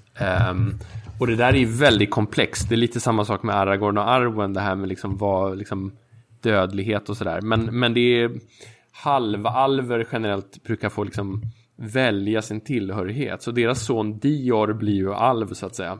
Men det sen har vi senare till exempel har vi eh, bröderna Elrond och Elros som då väljer eh, några generationer senare som då väljer att där Elrond blir alv och odödlig och Elros väljer att bli människa och då visserligen har ett väldigt långt liv, lite som ni vet de här Noa och kompani i Bibeln så lever många hundra år sådär. Men ändå ett ändligt liv där han väljer det mänskliga ödet att passera ut ur världsalltet sen. För att när vi inte ska fastna här allt för länge och avsnittet blir för långt så kanske vi ska kika på de här eh, riktiga myterna, eller, som, eller ja, riktiga ska jag inte säga, men eh, de myter som vi har från den så kallade verkliga världen Mm. eh, och se vilka paralleller vi har då, hur de kan ha inspirerat Tolkien och då måste vi nästan börja med det nordiska och germanska Mm. mytvärlden. Jag vet inte, var ska vi börja någonstans? Jag har lite olika här. Det finns ju nästan ändlöst många trådar man kan dra i. Ja, efter, ja men vi, du pratade ju nyss om Beren, så vi skulle kunna prata om det som händer med Beren. Ja, då säger de möter mörkret, han och Luthien, och en av de här olika varelserna han råkar ut för är ju Karkaroth, som är en, eh, det är en varg, är det en, en Mm. det- han är en Nej, varg. han är en varg. Eh, Morgoths eh, varg då. Ja. Och där finns det ju en parallell då när med Tyr och Fafnir. Eh, Nej, Eller Tyr och Fenris-sulven. Ja. Ja, jag skriver fel, Fenris. I det att båda blir ju av med, med sin hand i odjurets eh, käft så att säga. Mm. Och Beren blir ju då ikonisk med en hand på lite liknande sätt som Tyr. Alltså Beren blir ju Beren Erchamion, Beren One Hand eh, resten av sitt liv så att säga. Eh, och det går ju till på lite olika sätt, men det är ändå så att eh, det finns någon typ av parallell där liksom Beren sträcker ut sin hand med den här silmarillen, den magiska kristallen och, och den bits av. Men så att säga den här Silmarillen, de bränner allt kött med onda intentioner så att vargen drivs ju till vansinne mer eller mindre av att ha det här ljuset i sin kropp. Så att säga. Och hur eh, slutar det för Tyr då? Eller vad, vad Erik? Ja, det är ju där med hela Fenris-köret då, att det är ju ett av Lokes barn. Det är det enda av Lokes barn som gudarna först tänker sig att de skulle kunna behålla. Men Fenris växer sig jättestor och stark och de försöker binda Fenris på olika sätt och Fenris bara skakar av sig kedjorna som att det inte vore någonting. Och till slut så skapas då den här kedjan av några dvärgar. Den är gjord av bergets rötter, eh, fiskars senor, ljudet från katters tramp, kvinnors skägg. Nej, fiskars andedräkt och björnas senor så här. Då anar ju Fenris att det är någonting lurt med den här kedjan och kräver någon typ av pant. Bara Tyr vågar komma med den här panten och det är att lägga sin hand i Fenris mun. Och eh, Fenris, ja, det är väl förstått att om Fenris kan förstöra kedjan så kommer Tyr få behålla sin hand. Men den här kedjan är så stark så det går inte och eh, hand bits av. Men Fenris är då fastkedjad vid den här klippan. Och kommer försöka ta sig loss där. Och jag vet inte om det är att jämföra då med den här silmarillen i magen. Att liksom vilja ta sig loss. Och sen är det ju att inför Ragnarök, ett av tecknen på att Ragnarök, världens undergång, kommer att ske. Det är ju att ulven sliter sig. Jag tror att det till och med står det i Völvans spådom. Det gör det. Och eh, Fenris kommer att slåss mot... Han slukar väl Oden? Precis, han slukar Oden men dödar sen av Odens son som har jättetjocka skosulor. Mm, Vidar va? Ja, precis. Och sen så är det ju att Fenris två barn äter upp solen och månen. Och det skulle ju kunna vara att det är att olika berättartraditioner här väl samman, att det egentligen är Fenris som slukar solen och månen. På samma sätt som att Tyr i Ragnarök, han slåss emot eh, helhunden Garm. Och de har inget otalt med varandra, så det verkar i andra myter. Så jag och andra tror väl att det här också är en annan berättartradition. Att Tyr och Fenris ska slåss på slutet. Men sen när det här sammanställs så var det ju bättre att Fenris får äta upp Oden, för det är ju pampigt.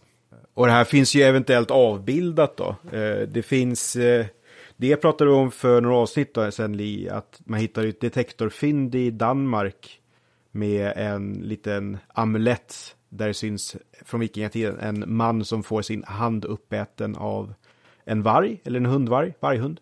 Och sen så finns det på den här Ledsbergsstenen i Östergötland eh, så syns det lite motiv som kan tänkas vara från Ragnarök och bland annat är det en hundliknande, vargliknande varelse som äter en stor humanoid man fötterna först. Uh, och det, ja just det, under själva vargen så finns det en man och sen biter han en annan i foten. Det skulle kunna vara att den som är under vargen är Oden som är uppäten och sen han med en fot i vargens mun är då Vidar. Så jag vet inte, men för då, det är väl flera saker som då skiljer sig mot det här med beren. Men om man istället tänker sig, hade historien om beren sett likadan ut utan historien om Tyr och Fenris? Absolut inte, det tror jag inte. Och sen mm. så blir det ju också, det, det kanske jag ska berätta vidare här nu för att knyta an, där du kan se en annan parallell också Erik.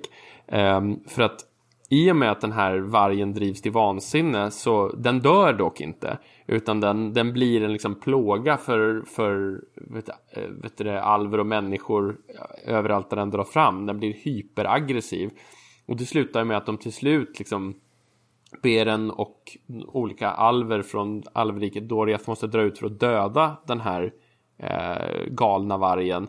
Och det är ju där som Beren då dödas och den här historien med dödsriket och, okay. och liksom han, eh, hans käresta Luthiens liksom vädjan kommer. Så det blir ju ändå någon typ av slutet för honom så att säga. Det är alltså betalningen i andra änden. Så om man tänker sig Fenris och Garm som utbytbara så blir det ändå någon sorts cirkeln mm. sluts med att Beren dräps av vargen. Och då om jag tänker bara just det här med att vara i dödsriket men någon vill få tillbaka en. Att eh, då är det inte Tyr gäller, men om man tänker sig hur Balder dör mm. och gudarna vill få tillbaka honom. Och är det inte Vidar själv som faktiskt rider? Nej, det är en annan av Odens söner. Mm. ja, någon av Odens söner rider i alla fall för att hämta Balder. Sen så vill inte Balder komma tillbaka, så det blir en skillnad. Mm. Men, för då, nu när jag kommer väl, med... Det är väl Hermod nu när jag tänker på det. Ja, det låter bekant. Mm. Snyggt. Eh, men just det här att när vi pratar om gamla myter då, och hur det kan vara olika berättartraditioner, att på något sätt så blir ju Tolkiens variant som en egen berättartradition av de gamla myterna. Mm. Och det är ju precis det här med mythopeia och resonansbotten ja. som vi började med. Liksom. Precis. Mm. Ja, men vi var ju inne på Oden i alla fall. Ja.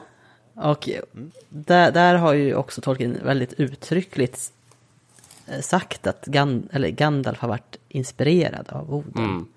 Eh, och namn, bara namnet Gandalf kommer ju liksom rakt ur Eddan. Mm, det är en av dvärgarna i Poetiska Ja, precis. Mm. Flera av dvärgarna har ju namn direkt tagna därifrån hela. Mm. Många i det här sällskapet som är med Bilbo. Alla utom Balin är jag ganska säker på. Är det så? Ja. Så det är ju väldigt direkt, eh, ska man, ska nästan säga, stulet nästan. Mm.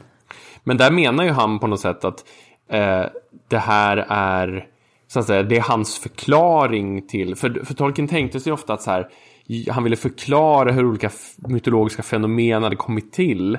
Så att mång, många av hans eh, berättelser är ju tänkta så. Så man skulle kunna tänka sig så att, för att det är ju inte dvärgarnas riktiga namn hos Tolkien, utan det här är de nord, nordmannanamn som dvärgarna tar sig för att de håller sitt riktiga språk, Khustul, hemligt för människorna. Just det. Um, så att de, the northern manish kallas det språket, alltså som talas av vissa folk. Och det finns ju en väldigt tydlig parallell till de nordiska männens språk, så att säga. Mm.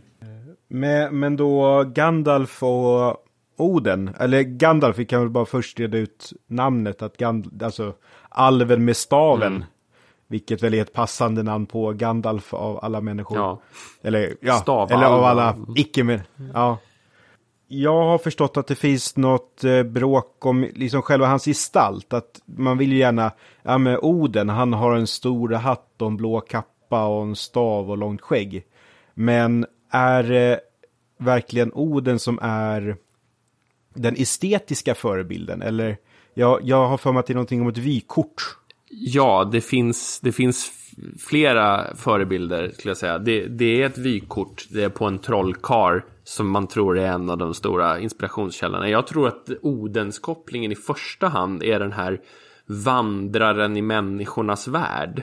Alltså den grå gestalten som söker visdom över långa tidsåldrar och går fram och tillbaka. Att det är den kopplingen. För Tolkien skriver själv i något brev, eh, beskriver Gandalf som Odinic Wanderer. Med, men Oden i sin vandrande gestalt, han kan ju ändå också, eh, vad ska jag säga, mucka gräl. Han, han hjälper ju inte bara äventyr, han stjälper ju en del äventyr också. Eh, gör Gandalf något sånt? Eller han sabbar ju för den dåliga sidan, men Oden, han kan ju ställa till besvär för även de som man följer som huvudpersoner. Alltså Gandalf är ju en mycket ljusare gestalt än Oden på många sätt. Skulle jag ju Ja. ändå hävda. Jag skulle säga att Gandalf, alltså i vårt avsnitt om Gandalf så gjorde vi väl någon sorts så här snabbtolkning. Vi tycker att Gandalf är lika delar Jesus, Ganda, eh, Jesus, Oden och Merlin. Eh, ungefär. Alltså det, det är de huvudinspirationskällorna så. Men nej, jag skulle säga att liksom Gandalfs roll är ju väldigt mycket den som så här den ljusa sidans strateg och ideolog. Alltså på många sätt. Alltså han är den som liksom han är schackspelaren som rör tidsåldrarnas liksom lopp till det, det goda utfallet på något sätt. Och där, men han påminner lite om Oden där, för Oden har ju den här liksom planeringen inför Ragnarök där han liksom hela tiden försöker liksom ta reda på hur ska vi kunna vinna det här liksom att det finns ett, ett hot, ett mörker och att så här hans sökande ju mycket går ut på det. Men jag tycker absolut att Oden är ju en mycket mörkare gestalt och mycket mer moraliskt tvetydig. Sen ska man ju säga att Gandalf i The Hobbit ändå är mindre genomgod och Gandalf grå är mycket mer mångfacetterad än Gandalf vit som är mycket mer Jesus-gestalten tycker jag. Man får ändå säga att, eh, eller Oden har ju också en viss krigs, krigsroll. Och det är kanske en del av den här strategiska bi- biten du syftar på, Adam, med att Gandalf, även som i Gandalf vit, får ju en sorts härförarroll där i slutstriderna också. Precis. Eh, det finns ju en krigisk aspekt. Däremot så skulle jag säga att Gandalf är ju mycket mindre förknippad med liksom döden och liksom de här lite alltså obehagsdelarna. Men, men, men Oden är ju en trollkarl också tänker jag. Liksom. Det finns ju aspekter där som går igen. Men överhuvudtaget så får man ju tänka, alltså det, jag vet inte hur ni har pratat om det här, jag har inte lyssnat på alla era avsnitt sen innan, men, men, ehm, men o, alltså jag ser ju Oden väldigt mycket som en obehaglig gud som man kanske mest vill hålla ifrån sig. Och att det är en, gud för ett litet elitskikt som inte har varit så utbredd i liksom folklagren.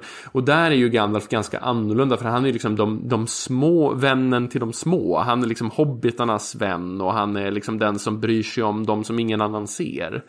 Och där känns inte Oden så. Han är ju den som väljer de, de, de som är mest badass på slagfältet liksom. Ja, Men, men då om man tar eh, Gandalf vit då. När han presenterar sig som, det vet ju inte jag om det är i boken eller bara filmerna. Men Saruman som han borde ha varit. Mm. Är Gandalf Oden som han borde ha varit? Nej, där är han nog med Jesus-gestalten tror jag. Okej. Alltså, nu, och självklart så är ju inte allting. Tolkien skulle ju ha protesterat på den här diskussionen och sagt att den var alldeles för allegorisk. eh, alltså, för självklart så är det ju så att han skulle mena att ja, det kanske man kan applicera några sådana här idéer, men det är ju inte en till en av kalkeringar. Men, men tanken är ju det att Saruman ska vara den vita ledaren av den här orden men har svikit den rollen och Gandalf vit måste nu istället ikläda sig Istari-ordens Okej. liksom ledarroll i den vita gestalten. När Saruman har avfallit från den rätta vägen. Eh, ska vi gå vidare till någon annan karaktär? Eh, vi, man kan ju prata om det här så länge som helst som sagt. Ja. Vi pratade ju lite om Children of Hurin där i början och vi kan ju inte prata om, om mytologi och nordisk mytologi utan att nämna Turin Tarambars koppling och likheter med Sigurd Fafnesbane. Nej, det, de är ju enorma. Eh, Ja. Och det är, ju, det är ju den här förbannade sonen som jag då nämnde tidigare. Eh, han, han eh, i slutet av sitt liv så, han, han, det är ju, hela hans liv är ett mörker och det här har vi haft en liten debatt i podden där jag försvarar honom och de andra tycker att han är extremt osympatisk och jag tycker att det är liksom omständigheterna till ganska stor del. Men, men i alla fall, det slutar ju med att hans stora dåd är ju att han dräper draken Glaurung som är the father of dragons, den första draken som är liksom ett stort vapen för Melkor. Um, och på ett väldigt liknande sätt som Sigurd i Völsunga-sagan eller Nibelungenlied dessutom. Liksom det här med att stöta underifrån och. Precis. Eh, och med drakar har vi ju också, kan man ju verkligen koppla den nordiska draktraditionen också med eh, drakfeber och förbannat guld som också dyker upp i Völsungasagan just och har adapterats i ja, Nibelungenlied och, och så vidare. Och det är ju en av de alltså, coolaste reflektionerna tycker jag. Alltså av det nordiska som Tolkien gör överhuvudtaget. Hur han behandlar det här materialet. Så jag tycker, om det är en grej du ska läsa Erik, är ju The Children of Horin. För jag tror att alla de här aspekterna kommer du att liksom känna igen och känna dig hemma i. Och den går att läsa helt bara separat. Det är bara att läsa lite. Det, det, Christopher Tolkien har skrivit en, en introduktion i början som man ska fatta ungefär vad liksom backstoryn är. Och sen är det bara att köra på den sagan i sig liksom. Cool, tack. Jag vet att Li har snackat om den där förut och jag har för mig att jag googlade och såg att han har en cool hjälm på framsidan. Så jag var lite sugen redan innan. Den finns översatt av Öyvind Lång och heter Horins barn om man föredrar att läsa den på svenska. Men, mm. Med det sagt, någonting snabbt om Åke Olmarks. Oj, oj, oj, oj, oj. Hur långt ska det avsnittet bli egentligen? Ehm, jag kan ju, men jag kan ju säga så här att eh, när jag läste nordiska språk, vilket jag läst lite grann, jag är ju, det har jag inte, vi har inte pratat någonting om det här. Jag är ju, jag, ni är ju med huvudsakligen arkeologisk bakgrund båda två. Jag har ju läst historia mestadels. Eh, det är ju min, alltså medeltidshistoria är ju min huvudinriktning. Sen har jag läst lite andra ämnen och när jag läste lite nordiska språk då så så hade jag Rune Palm som lärare ett tag. Och han som var docent då på Stockholms universitet. Eh, han är tyvärr död sedan några år tillbaka. Eh, men han, han sa ju det att så här, Åke Olmarks är så roligt så här för att eh, vi nordister och Tolkien-nördarna hatar Åke Olmarks på ungefär samma sätt. Och båda grupperna har inte så jättebra koll på den andra gruppens avsky. Liksom, så här. Det är mycket överlapp. Och det är ju alltså en översättaren som översatte Lord of the Rings första gången. Han översatte många eh, äldre nordiska texter också. Jag skulle säga ett geni och en galning på samma gång. Alltså oerhört slarvig, oerhört fri, men ibland så här extremt kreativa lösningar. Hans bok Tolkien och den svarta magin är ju en bok av stort underhållningsvärde. Men då är han ju mer eller mindre psykiskt sjuk. Alltså det Ja. den är ju så konstig så att det är Den är jättekonstig. helt absurt. Han har vid det laget börjat hysa sånt extremt stort agg mot hela Tolkien, sam, alla Tolkien-sammanhang efter ja, diverse olika eh, möten med svenska Tolkien-föreningar som han inte riktigt tycker Ja, nej, men man får läsa den för att få lite mer. Men den är extremt skriven ur hans perspektiv och man kanske inte ska se som en riktig reflektion av verkligheten. Han menar ju till exempel att de är satanistiska sexkulter som möts i skogen och liksom ja, begår någon sorts konstiga ritualer och att det är tolken som har lett in dem på det här. Så det, det säger väl en del. Ja. Men Erik, du var på väg någonstans. Ja, nej, jag var bara så glad över just det att du nämnde vilken översättning man skulle ta. Det, sånt uppskattar jag. Eh, för just också att Åke Olmark har översatt mycket nordisk litteratur som du säger att ett av skälen till att jag mer och mer börjar titta på egna översättningar är just Åke Olmarks rykte. Sen så har jag egentligen inte något eget uppbyggt mot honom så, men det var ändå kul att höra. Det var en fin reaktion från er båda två. Mm. mm. Alltså jag har ju läst, eh, jag har ju läst Poetiska Eddan i åtminstone tre olika versioner. Och där kan man ju verkligen se att eh, Olmarks är överlägset mest fri. Alltså han flyttar runt i raderna och liksom justerar som han tänkte att så här borde det nog ha varit istället.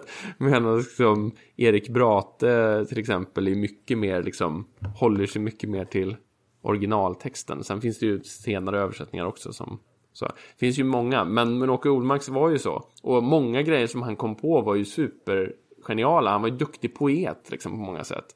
Men han mm. var kanske inte helt passande som översättare.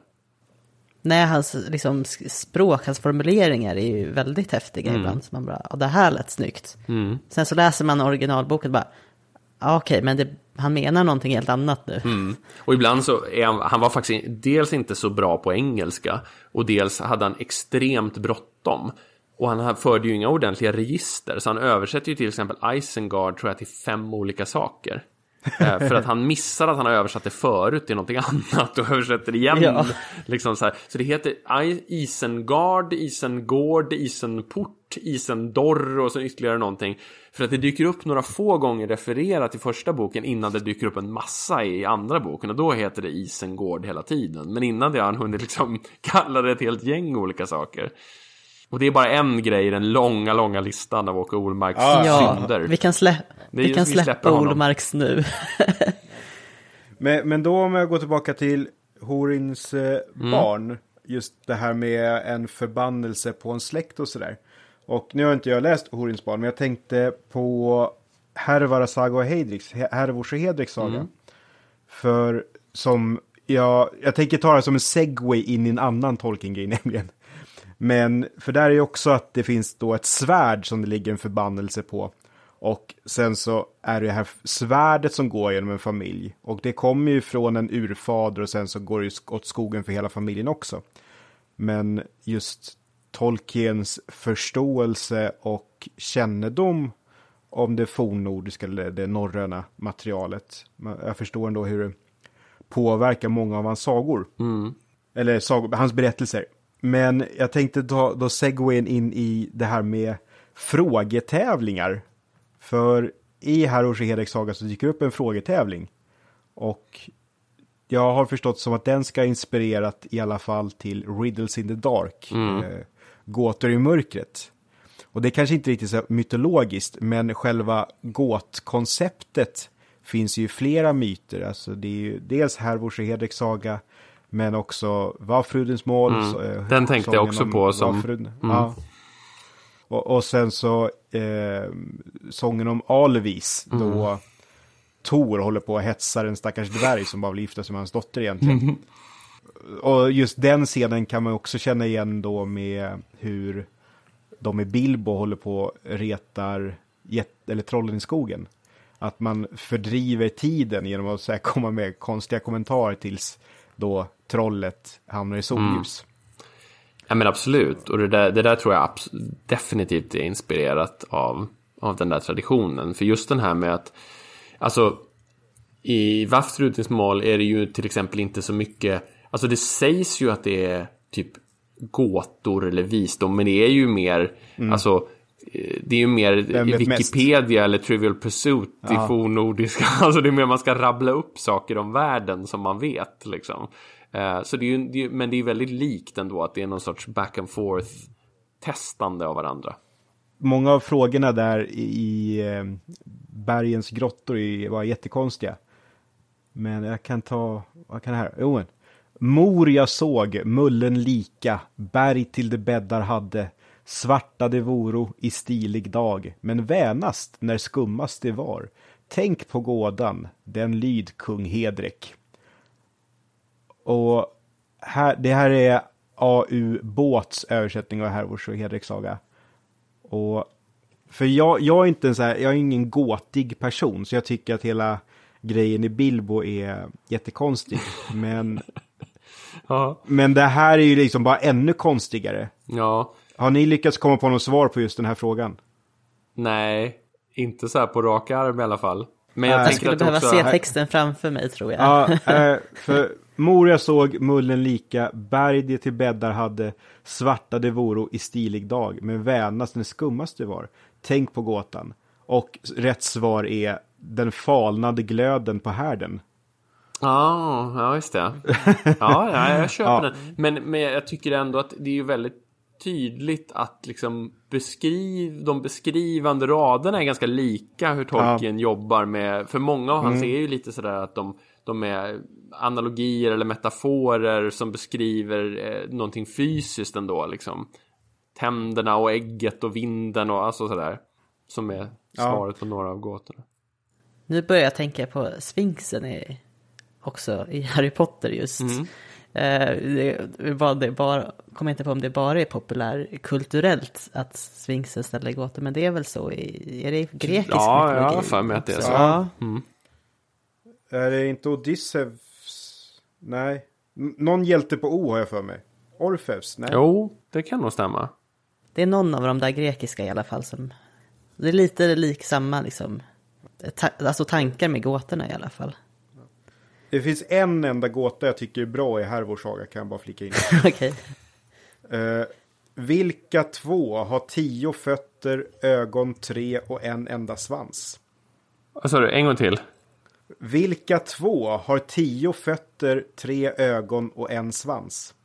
Eh, jag kommer inte på det. Jag får ingen, jag får ingen koppling så här direkt. Oden som rider på Sleipner. Ja, visst det. Och liksom det, den är så här, just så här, aha-grej. Men alla de andra gåtorna är bara konstiga. Eh, men den tycker jag om att ställa till frågor i, i min vardag också. Inte helt populärt drag, men ändå. Jag kollade faktiskt nu. Det är, det är Oidipus eh, som Ja. möter Sphinxen. Ehm, det finns en väldigt rolig meme när, när Oidipus får, får frågan eh, det är så här, You must answer my riddle. What goes on four legs in the morning, on two legs at noon and on three legs in the evening? Oidipus pondered for a moment. Probably one of those new Pokemon, he finally replied. There's like 600 of them. I'd be surprised if one of them doesn't change his number of legs whilst evolving. Jag tycker det är ganska roligt. Och Sphinxen köper svaret. Han bara, ja, men du kan ju inte hålla koll på alla. Det är, nog, det är okej svar. Så. Helt ärligt så var det den bilden jag såg framför mig när jag försökte komma på vilken grek det var. Ja. Eh, Sen så är väl rätt svar att det är människan som först går på alla fyra, sen går på två och sen behöver en käpp när han är äldre. Exakt, exakt. Också en gåta jag inte hade klarat om jag inte visste svaret. Nej, nej, det kan vara svårt med gåtor. Framförallt tänker jag att det är väldigt mycket kulturell kontext. Alltså att man, man tolkar saker utifrån en, en kontextuell ram som man känner sig hemma i. Det är samma som med humor. Humor från andra tider är ju så tråkig. Det är därför man läser Eddan på fornnordiska så man inte miss, missar ordvitsen. Haha, ja. jag, jag hade några få punkter kvar här på just det här nordiska. Alver är ju, förekommer ju i nordisk mytologi, men här har vi väl ändå en ganska stor skillnad eh, till Tolkiens alver. Jag tänker också det där att man vet ju så lite säkert om de fornnordiska alverna. Alltså de har ju tolkats på många olika sätt. De har ju tolkats som, som fruktbarhetsväsen, de har ju tolkats som liksom kopplas ibland ihop med vanorna. Eh, alltså ljusalver finns, det finns ju säkert någon parallell där, men jag tänker att det, de, är ju, de framträder ju inte alls i lika tydlig gestalt som till exempel dvärgar eller jättar gör i, i det fornnordiska materialet. Och där, det, det har vi varit lite inne på förut, Liv, men just hur Tolkiens alver har påverkat bilden av andra alver. Absolut. Oh ja. Ja, men som vi var inne på lite nyss, att svart alver och dvärg är väl typ samma sak, men det är väl också en typ av alver. Men svartalver och dvärgar, de ser vi idag som mycket kortare och satta. Och säkert smutsiga och sådär också. Och så finns det då de här ljusalverna som är långa Legolas-typer, eller Thranduil. Men det där är ju inte alls lika, just att dvärgar är ju inte ens beskrivna som korta i myterna. De bor i stenar, det kanske är att man är liten. Men Jackson Crawford gick igenom det där noga och just att det finns typ en skriven källa där det antyds att dvärgar kanske är marginellt kortare än människor. Mm. Och sen hela det här med spetsiga öron och så, det kommer väl från Tolkiens värld också? Absolut.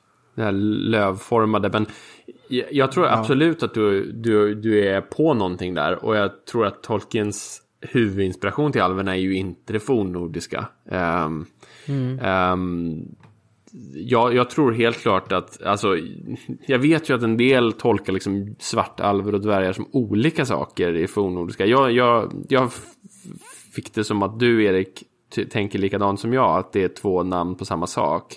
Att liksom, mm. eh, alltså att Nidavellir och Svartalfheim kanske är samma plats, bara i olika versioner och sådär. Så jag tänker också att de kanske är mer parallella. Så. Jag tänker också, för att bara hoppa liksom lite fram till vad jag hade tänkt, mm. Eh, men Tolkiens kanske starkare inspiration för alverna är väl mer det här fairy-folket. Mm. Och då tänk, syftar jag inte på små älvor som eh, Tolkien då uppfattade som att han var väldigt trött på att Fan, alla tror ju att bara fairies är sådana små gulliga små saker. Men det, det finns ju någonting annat. Ja. ja, precis. Eh, och ville något sorts upprätta liksom, det här mer, det här gömda folket som ändå Ja men som levde i någon sorts mer kanske upphöjt eh, tillstånd, var mer i kontakt med naturen mm. och, och så vidare. Den parallella världen någonstans som precis, finns bortom precis. vår. Liksom. Ja. ja. Och det i början, alltså de tidiga versionerna av Midgård så heter ju liksom den andra platsen Fairy fortfarande och sådär. Och det fasas ut gradvis i de, mm. när han liksom får en klarare bild av Silmarillion. Och i den första versionen av Silmarillion så är ju så är ju liksom eh, är det ju en förhistoria för England. Och mm. med det som finns i The Book of Lost Tales, eh, en, en väldigt gammal sån version. Och då, då finns det ju helt klart den dimensionen att eh, och där faktiskt så framstår alverna lite annorlunda. Tycker jag, om man läser den. De är inte alls lika upphöjda och änglalika och överjordiska som de blir senare, utan det finns någonting lite mer nordiskt skulle jag säga över det.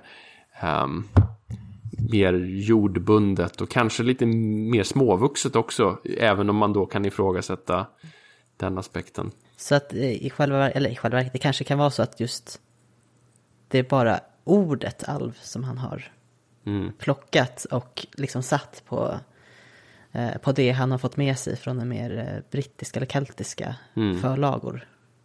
Ja, där finns det ju många paralleller. Men det kommer väl till om en liten stund, tänker jag. Ja, jag tänkte, jag hade ju skrivit lite här med just de här språkliga grejerna som han har plockat. Eh, det var någon mening här på fornengelska. Orthanc enta Georg som översätts The skillful work of the giants på engelska. Mm. Och just det här ordet enta som eh, översatts då som jättar. Mm. Men han har använt då det här ordet ent för sina egna eh, vad ska jag säga, varelser, trä, trädjättar. Ja. Ska säga. Och, ja, och även orthank. Precis. Alltså så. Som, som Tolkien skriver att det bara är en slump att det ordet är liksom en parallell till fornengelska ordet som råkar låta likadant som mm. på ett annat språk. Så. Mm. Som bebos av en eh, trollkarl, det är tornet, ja. som råkar vara en väldigt skicklig i ja, sitt trollkarlshantverk. Mm. Med, så det, ja, sammanträffande och sammanträffande. Nej, men alltså han låtsas ju att det är ett sammanträffande. ja. Men det är lite samma som att Incanus, det som namnet som Gandalf säger att han kallas i södern. Det betyder ju grånad på latin. Eh, alltså en eld, gråhårig man liksom så. Aha. Och där låtsas han ju att det är en liksom inomvärldslig etymologi men han erkänner senare att det är liksom därifrån det kommer. Jag förstår, okej. Okay. Mm. Men, men den där typen, för vi pratade lite om dvärgarnas namn där förut, att många dvärgnamn finns ju i Eddan. Men att han, har jag förstått rätt om han själv sen ångrar vissa av de här uh, lite väl starka kopplingarna till vår värld? Gäller det även då Orthanc och det här grånade som du sa? Nej, det utan han där, hade där, där skojar om? han mer kring att så här, vilken slump va? Nej men det är så här, eh, för Okej. där, jag skulle säga att det här är en del av den här medvetna eh, liksom resonansen mot våra myter som vi har pratat om många gånger. Medan jag tänker att alltså, han ville döpa om sina dvärgar. Han, döp, han skapade ju en ny plural. Dwarves med VE. För det är liksom eh, grammatiskt korrekta på engelska är dwarfs med FS. Eh, Det är, inte, det är på and, inte som Wolves till exempel där det blir med V. Men han skapade med VE för att det skulle liksom se mer annorlunda ut. Men han ångrade sig ändå och tyckte att det blev för förknippat med sagodvärgar och, sjö, och snövit. Så han, han tänkte att jag skulle ha döpt dem till Dwarrows istället. Eh, som skapat ett mer annorlunda ord för att folk skulle ryckas loss ur den här sagoboks... Som Dwemer i Elderscrollspelen. Mm. Nej men lite åt det hållet. Men för han har ju, ja, han har ju sådana tankar. Alltså, men det är ju, det är ju även ork till exempel. Det är ju ett, det är också ett ord som han försöker förklara. Eh, som betyder, det är ju det är ett gammalt ord som betyder ungefär smådjävul. Liksom, eller något åt det hållet. Det används väl för att beskriva Be- eller Grendel i Beowulf. Mm, precis. Och, och vet du, um, han, det finns ju så många sådana här varianter där han liksom eh, Eh, tänker sig, nu ska jag förklara ursprunget till varför det här ordet finns. Det är samma sak med woes, Uh, the woses, det här naturfolket. Det kommer ju från eh, uh, woodwoes, uh, som är liksom någon sorts liksom vildmän då. Också fornengelskt ord. Hade ni något mer på eh, forn, eller det nordisk-germanska? Alltså det tar ju egentligen aldrig slut. Men jag tänker att någon gång måste vi ju byta spår. Annars kommer det här avsnittet ta en vecka. Ja. En sista grej, sista grej. Okej. Den där ringen. Eh, alltså, to- Tolkien sa ju så här, nu, nu tänker jag, nu fyller jag i att jag antar att du försöker koppla den här till eh, till exempel Nibelungenringen och så. Tolkien blir ju frågad Ja. om det mycket. Ja, och det finns ju många andra ringar i nordisk tradition såklart. Men, men då, Tolkien var ju väldigt sur för han som sagt gillade inte allegorier och sa The only thing eh, eh, the two rings had in common was that they were both round. Uh, vilket är ju totalt larv. Alltså han är ju jätteinspirerad av, av liksom Nibelungen-materialet. Sen tror ju jag att liksom, sen tycker jag att själva ringen i sig är inte det som är likast mellan de två. Men självklart fanns det ju liksom en koppling. för då är det, det är väl kopplingen till Wagners ring som han stör sig på. Ja, precis. Men, men sen så skulle han själv förneka även kopplingen till Andvarnaut i Völsungasagan, alltså ringen som skapar mycket bekymmer där, eller motsvarigheten i den gamla Nibelungens lid. Alltså, För Wagner bygger sitt material på både Mm. forn, eller hög, fornhögtyska och fornnordiska källor. mm, precis. Um, jag, Tolkien sa en gång att jag tror att man njuter mer av en soppa om man inte försöker lista ut vilka alla ingredienserna är utan bara äter soppan. Uh, vilket, han hade nog ifrågasatt på det sättet. Han, han, liksom, det, han tycker ja, det är inte relevant vad jag har liksom pusslat ihop alla små delar från. Det viktiga är att soppan smakar gott i slutändan. Så, men han var ofta lite så här vresig kring sånt där. Alltså jag tror att självklart så skriver han i massa andra tillfällen att han har tydlig inspiration och det finns ju, alltså vi har gjort flera avsnitt där vi liksom, jag, jag tar ju ofta upp det här spåret med det nordiska. Jag tjatar ju om det en hel del. Och det finns jättemycket paralleller, för, det, för du nämnde ju det här med vapen förut Erik. Om man är extra, alltså med svärd och så.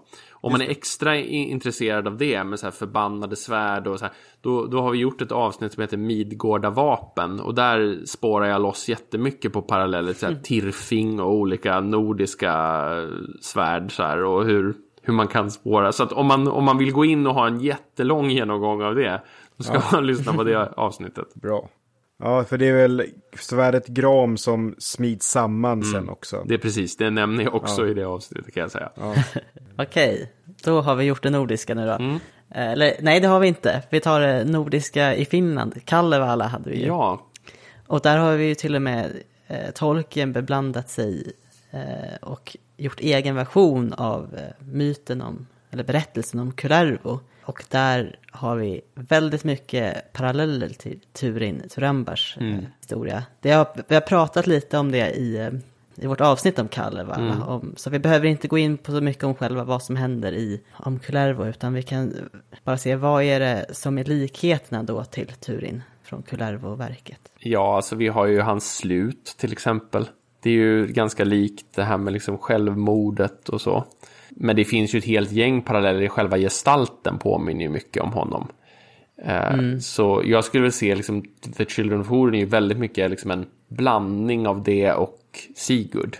Alltså de två tillsammans Verkligen. blir ju 80% av Torin-berättelsen. Precis. Det är ju, och själva det här incestmotivet är ju kanske i synnerhet eh, förknippat med Kullervos då. Att det är en, Omedveten incest. ja, och just det mörkret är ju inte så vanligt eh, i Tolkiens verk Nej. i övrigt. Nej, det är ju absolut hans mörkaste berättelse. Det är väl en av de bitarna som är nästan jobbigast, jobbigast att läsa på något vis.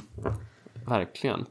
Och det är också hans mest felbara huvudperson på många sätt. Alltså en mer Absolut. modern hjälte som vi skulle vi säga ibland. Men det, alltså det, jag, jag har ju försökt driva i vår podd när de andra säger att det är en modern tolkning och en psykologisk, att det ändå finns en aspekt av det här med att hjältarna i det gamla materialet ibland är jävligt osympatiska. Absolut. Eh, och jag, jag har sagt någon gång att så här, i något avsnitt att om man läser ehm, eh, vissa isländska sagor så framstår ju Torin som liksom änglalik.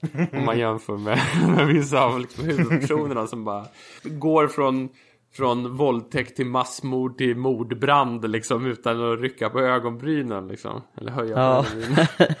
Ja, och i Kalevala har vi ju en karaktär som heter Väinämöinen som vi också har Mm. pratat tidigare om. Och där har jag stött på både att man vill se paralleller både till Gandalf och Tom Bombadil. Ja. Och eh, jag är osäker på vad den parallell, alltså exakt vad de parallellerna till Tom Bombadil skulle vara. Gandalf, där är ju lite det här vandrande Mm. såklart, trollkars eh, biten. Men Tom Bombadil är mer Det osäker är på. huvudsakligen det här med sångmagi. Eh, att Ah. Tom liksom besvärjer världen omkring sig genom att gå runt och sjunga hela tiden. Och han verkar ha, han talar ju i, i vers i princip. Och Väinämöinens magi är väldigt kopplad till sången. Där, där har ju vissa velat se, också se en parallell till Aino Lindahl lite grann. Det här vi pratade om, alltså mag, sången som skapar världsritningen liksom. Och det finns sådana paralleller.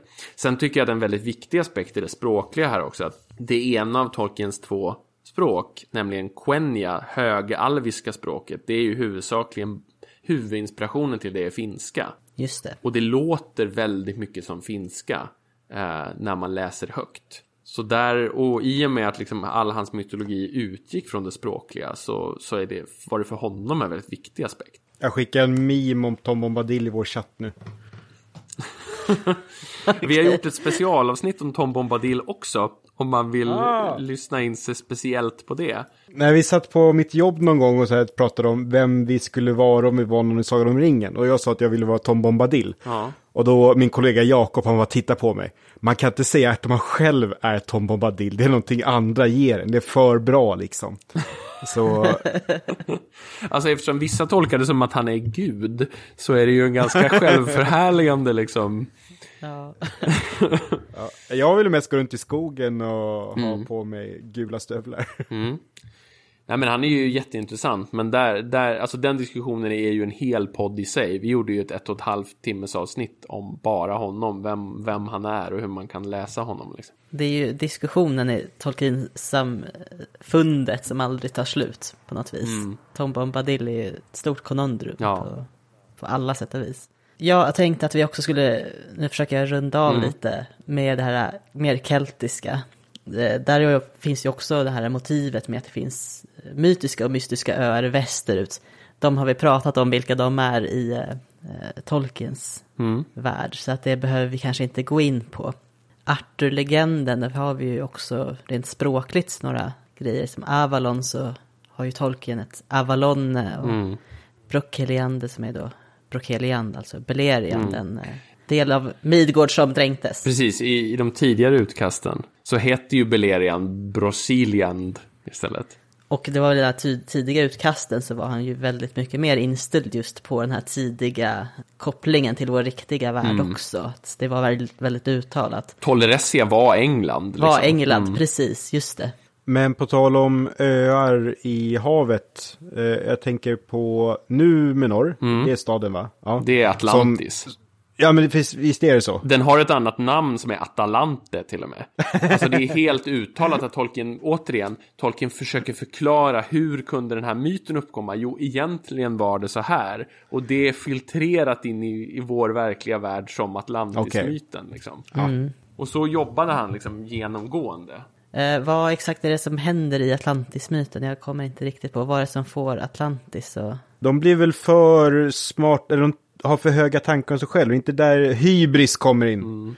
Och det är ju lite med Nomenor också. Mm. Och jag menar, det är den huvudsakliga källan vi har till Atlantis är väl Platon, är det inte det? Mm. Har jag för mig. Men det tar jag ur minnet helt och hållet här. Mm. Inget förberett. Ja, men inte det när han håller på att pr platar, pl pratar Platar, om... Ja.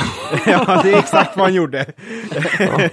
men utopier och sådär. Ja. Precis. Så i staten kanske? Mm, det kan nog stämma. Men det kan vara också så att vi har tokfel och de bara, vad säger ni? Men, ja, ja. men vi hoppas på det. Rena grekiskan. Mm, precis. Men jag tänkte på, på det keltiska, det, det du mm. sa Li, bara för att knyta an till vad vi faktiskt håller på att prata om. Ja. Sorry. så tänker jag att alltså, Arthur finns ju en, finns ju flera tydliga paralleller. Jag brukar prata väldigt mycket om det här The Once and Future King temat. Alltså det att Arthur försvinner till Avalon och en dag när liksom landet är i stort behov så ska han återvända ur skuggorna och liksom och det även om Aragorn personligen inte har liksom försvunnit så är det hans ett i det här fallet som har försvunnit i skuggorna och han är liksom konungen som ska återvända ur skuggorna som ingen vet att han finns och liksom frälsa landet och folket och bli den rättfärdiga konungen som inför en ny gyllene era när han liksom tar tillbaka makten. Där tycker jag det finns en väldigt tydlig Arthur-parallell. Verkligen.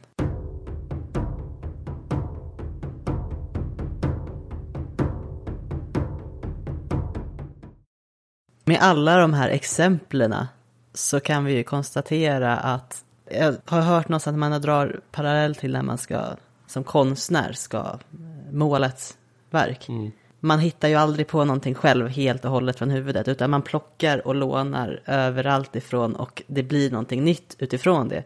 Och det är ju det här som Tolkien har gjort så exemplariskt på något sätt. Mm. För att få det här djupet i sin värld och sin berättelse. Verkligen. Får, får jag eh, komma med ett inspel som jag, som jag har pratat om förut där? Eh, mm. Som jag tänker, för att jag tycker, jag fick liksom en tanke just när du sa det att på ett sätt så har ju Tolkien själv blivit den rollen som du nu beskriver att han använder mytologi har han ju blivit för fantasygenren. Han har ju blivit det här referensverket som alla andra förhåller sig till på samma sätt som han förhöll sig till mytologi. Och det finns ett jättebra Terry Pratchett citat som jag tänker att ni kanske kan uppskatta som jag kan läsa här. Ja, gärna. Där Terry Pratchett då skriver så här J.R.R. Tolkien has become a sort of mountain, appearing in all subsequent fantasy in the way that Mount Fuji appears so often in Japanese prints.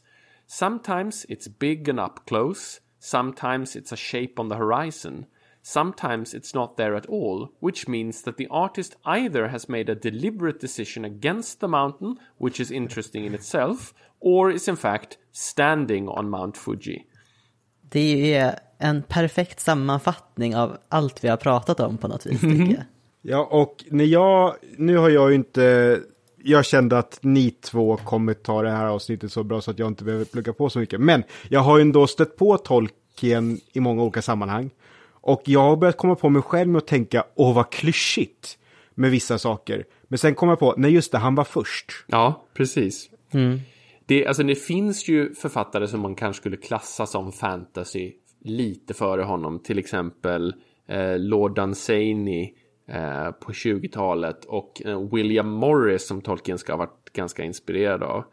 Men det är ju ändå så att Tolkien är den som definierar genren. Det finns liksom proto-fantasy och sen kommer Tolkien och sen finns det fantasy. Skulle jag hävda. Verkligen. Ja, Men ja, jag har helt tappat tråden för att det, jag vill så gärna fortsätta prata om det här. Men jag vill redigera det här avsnittet också. Stackars dig, ja. ja. Men då vill vi först och främst tacka dig Adam och eh, dig som representant för Tolkien-podden. Fantastiskt kul att du ville vara med och prata om det här med oss. Var någonstans kan man hitta er podd? På de flesta ställen där man brukar lyssna på poddar tror jag. Alltså Spotify, Acast, iTunes. Eh, vi, vi brukar lägga upp dem på ett ställe som heter Podbean men de sprids ju automatiskt till alla plattformar. Och sociala medier, var finns eh, ni då? Huvudsakligen och vår överlägset mest aktiva är ju eh, vår Facebookgrupp Tolkienpodden. Där våra lyssnare brukar diskutera avsnittet med oss en del liksom, i kommentarerna varje gång vi släpper. Så det är en ganska aktivt liten, aktiv liten grupp där runt dem. Mm. Sen så brukar vi säga att man kan höra av sig till oss på tolkienpodden gmail.com. Alltså det är vår mailadress. Och sen finns mm. vi på Twitter också, men där, där är vi inte så aktiva. Förstår. Jag är lite inne på om vi ska skaffa TikTok, men Twitter kan jag inte. Jag är för mycket gubbe för TikTok alltså, känner jag. Ja. Jag håller på att lära mig, men jag känner mig väldigt gammal när jag är där. jag är ju lärare och det är mer, känns mer eh, elevernas liksom, generation. Som, ja, precis. Har du något tolken-tips om man är särskilt intresserad av att veta mer om just de här sakerna vi har pratat om? Vi har ju redan fått flera bra tips under gången. Ja, alltså det finns ju så mycket Um, och det beror också på vilken, vilken liksom, nördnivå man vill ta det till, skulle jag hävda. Men um, jo, men jag har, jag har ett bra tips. Um, och det är, nu måste jag bara kolla tittarna här så jag bär med mig er ja. en liten bit. Ska vi se, jag ska bara ta med mig en bok så ska jag återvända. En sekund.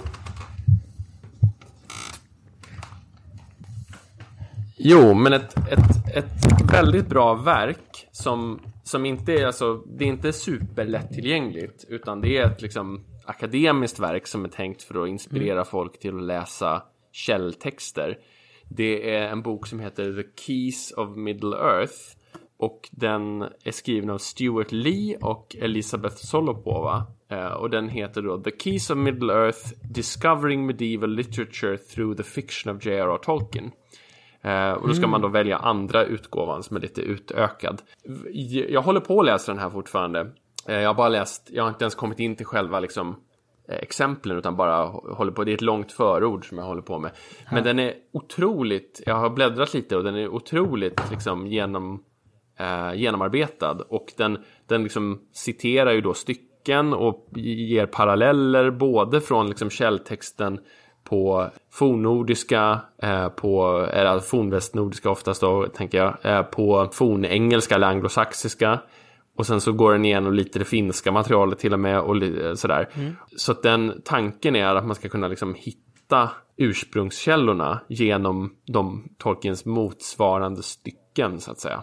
Så de tänker sig den som en introduktionsbok till medeltidslitteratur. Vad eh, härlig ingång man kan få till medeltiden också. Man kanske redan har läst Tolkien och tycker det är mm. kul att bredda sig på så vis. Och vi, vi intervjuade Stuart Lee eh, i vårt, uh, vi har gjort två avsnitt från Oxford. Eh, när vi var där och liksom upptäckte Tolkiens Oxford. Och då var ett av dem eh, att vi intervjuade Stuart Lee, eh, bland annat. Uh, och han var väldigt trevlig och det var väldigt intressant att få höra. Liksom, vi diskuterade mm. lite hans syn på tolken och sådär. Och han pratade lite om de här perspektiven. Mm. Gud vad roligt. Mm. Och om, om jag får bara komma från min ända av Tolkien-världen då. Så jag tycker om YouTube-kanalen In Deep Geek. Uh, för då är typ avsnitten är 10 minuter, 15 minuter och han förklarar saker väldigt snällt för sådana som mig. Det har varit väldigt trevligt att lyssna på er nu också, men jag har behövt just Indie Geek för att hänga med i vissa sakerna som ni har tagit. Mm. Mm. Ja. Så du har liksom tittat på det lite på låg volym i bakgrunden medan diskussionen har pågått här? ja, jag har riktat mikrofonen så att inte vi ska höra det. Men, Precis. Ja.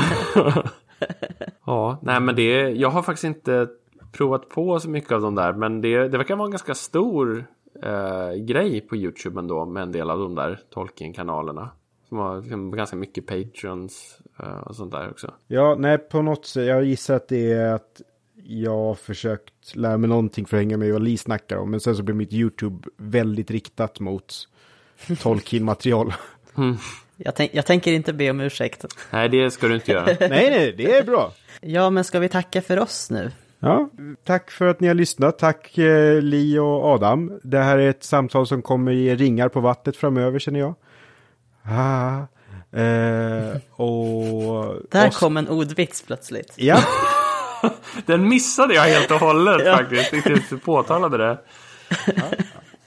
Det tog några sekunder för mig också. ja äh, vi är trötta nu. Eh, nej, men oss kan man lyssna på på ungefär samma ställen som vanligt. Eller så, exakt samma ställen. Vi finns på Spotify, iTunes, Acast är vi också va?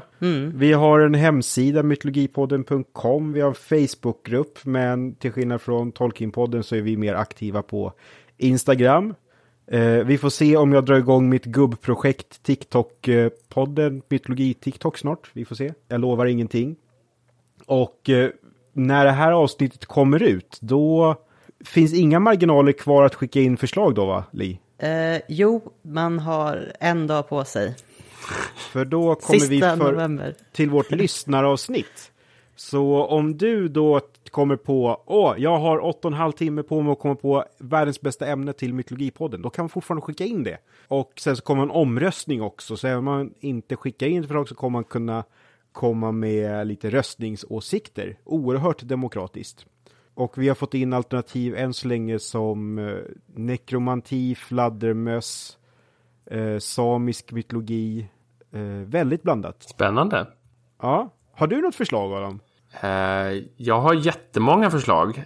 Nej men alltså jag, jag tycker ju alltså jag tycker mytologi är väldigt intressant. Så jag har ju många eh, idéer på vad man skulle kunna tänkas ha. Alltså det är så svårt att bara så här koka ner det till, till en sak. Um, men jag tycker ju, jag vet att ni redan har pratat en del om det nordiska, men jag tycker att det är väldigt spännande att så här jämföra det, de tidigaste källorna vi har till det nordiska och germanska, alltså typ Tacitus och sånt där. Eh, och, se, alltså jag har blivit väldigt fascinerad av det här med tanken på liksom hur den nordiska mytologin har utvecklats. Man pratar ofta om Tyr och Heimdal och Ull som äldre lager av nordiska gudar och i Takitos så ser vi ju liksom eh, någon sorts föregångare till vissa av gudarna. Filtrerad genom en romersk lins i och för sig. Men jag tycker det ska vara jättespännande med ett avsnitt där ni liksom försöker det är, självklart kan man inte liksom lösa problemet, diskutera lite så här, vilka olika lager har vi av det nordiska? Liksom, jag, jag har ju stött på idén från till exempel vad heter de? Birgit Sawyer, vad heter hennes man? Peter Sawyer tror jag. Alltså där, de, de pratar om att liksom Valhall mycket väl skulle kunna vara ett ganska sent koncept som liksom lite lånat från det kristna paradiset. Så jag tycker det skulle vara spännande att göra en sån här tidsanalys av så här, vilka element tror vi är nya och vilka är gamla, vilka kommer från vilka samhällsskikt. Alltså göra någon sån här liksom 3D-analys av det nordiska. Kul förslag. Mycket, den tar vi med. Eh, och om man bara tyckte det lät intressant det där med Sawyers teorier om Valhall. Eh, deras bok eh, om för kristna Skandinavien är ganska svår att få tag på. Men vad heter han? Andreas Norberg tar upp de där tankarna i sin avhandling Krigarna i Odens sal också. Så Ja, han går det. också in på just det här med att Valhall är ganska sent. Men eh, det ska jag inte avslöja för mycket om det faktiskt blir ämnet vi ska köra. Ja, ja det, den tänker jag lyssna på då, det, det måste jag säga. Ja, bra. Eh, ja, vad mer Li? Nej, jag har inget mer. Jag är helt ut, uttömd nu. Och teet är uppdrucket. Ja, Ja. Jag har en sista fråga som jag inte vet om det bygger på film eller bok. När Denethor, när han ska elda upp sig själv, då säger att han vill ha en brandgrav som the pagan kings of old. Ja, Heathen Kings. Eh, Ja, okej. ja. ja, Är eh, det, det kommer från boken faktiskt. och vad för hedendom är han relaterad till Det är oklart. Det har jag faktiskt tagit upp en gång i vår podd också. Okej, ja. Att det, jag tror att man ska tolka det som att de, liksom, de människofolk som inte liksom följde de vad ska man säga, den, någon sorts civilisatorisk västlig, alltså de har ju så här västerns folk liksom, att det är någon sorts liksom att han menar att det betyder att de är ociviliserade eller att de lever i en mörk tid. Okej. Man brukar prata om the dark years i andra åldern till exempel. När Sauron har väldigt stor makt över stora delar av Midgård. Jag, jag tror att det är det han syftar på. Men att Okej. Tolkien tänker att han liksom filtrerar ordvalet till något som kan vara relaterbart. För han tänker ju att hela Lord of the Rings är en översättning. Alltså att han, han låtsas ju att han har hittat ett manuskript, kan man säga, som han har översatt till engelska. Och att alla saker som är på fornengelska har han gjort på fornengelska för att de är paralleller till de väströna gamla formerna. Han har liksom översatt även det kulturella planet till det engelska. Ah, Ungefär så. tack. Ja, Jag kom på det. Jag fick fram något stycke här i eh, Lord of the Rings A Reader's Companion. If asked about the word heathen in the Lord of the Rings, Tolkien might have replied that he was only translating and had used the most suitable word available. What he meant by heathen was someone who did not recognize Eru, and especially anyone who worshipped Morgoth or Sauron. Mm. Formuleras det där. Eller ett litet stycke, en ganska lång eh, utläggning. Men det, det var ändå ganska nära det som jag Ja, faktiskt landade i. absolut. Och det där, den där har jag faktiskt inte läst hela. Den håll, håller jag fortfarande på och tänker att jag ska läsa den parallellt med, med alltså jag har den men jag tänker att jag ska läsa den parallellt med en genomläsning någon gång. Men det kommer ju ta så jag håller precis tid. Mm. på att läsa den parallellt för första gången och jag det var typ två kapitel sen jag läste den biten så jag kom på att det stod någonting om det. Ja. ja, men det var skönt att min, min slutsats inte var totalt dragen ur liksom, luften då. Du har imponerat Adam på så många sätt den här aftonen. Ja, det var Verkligen. roligt att höra. Vi är superglada och tacksamma och med det så ska vi säga hej då till våra lyssnare och hej då Adam. Hej då, tack för att jag fick komma. Ha det bra. Hej då.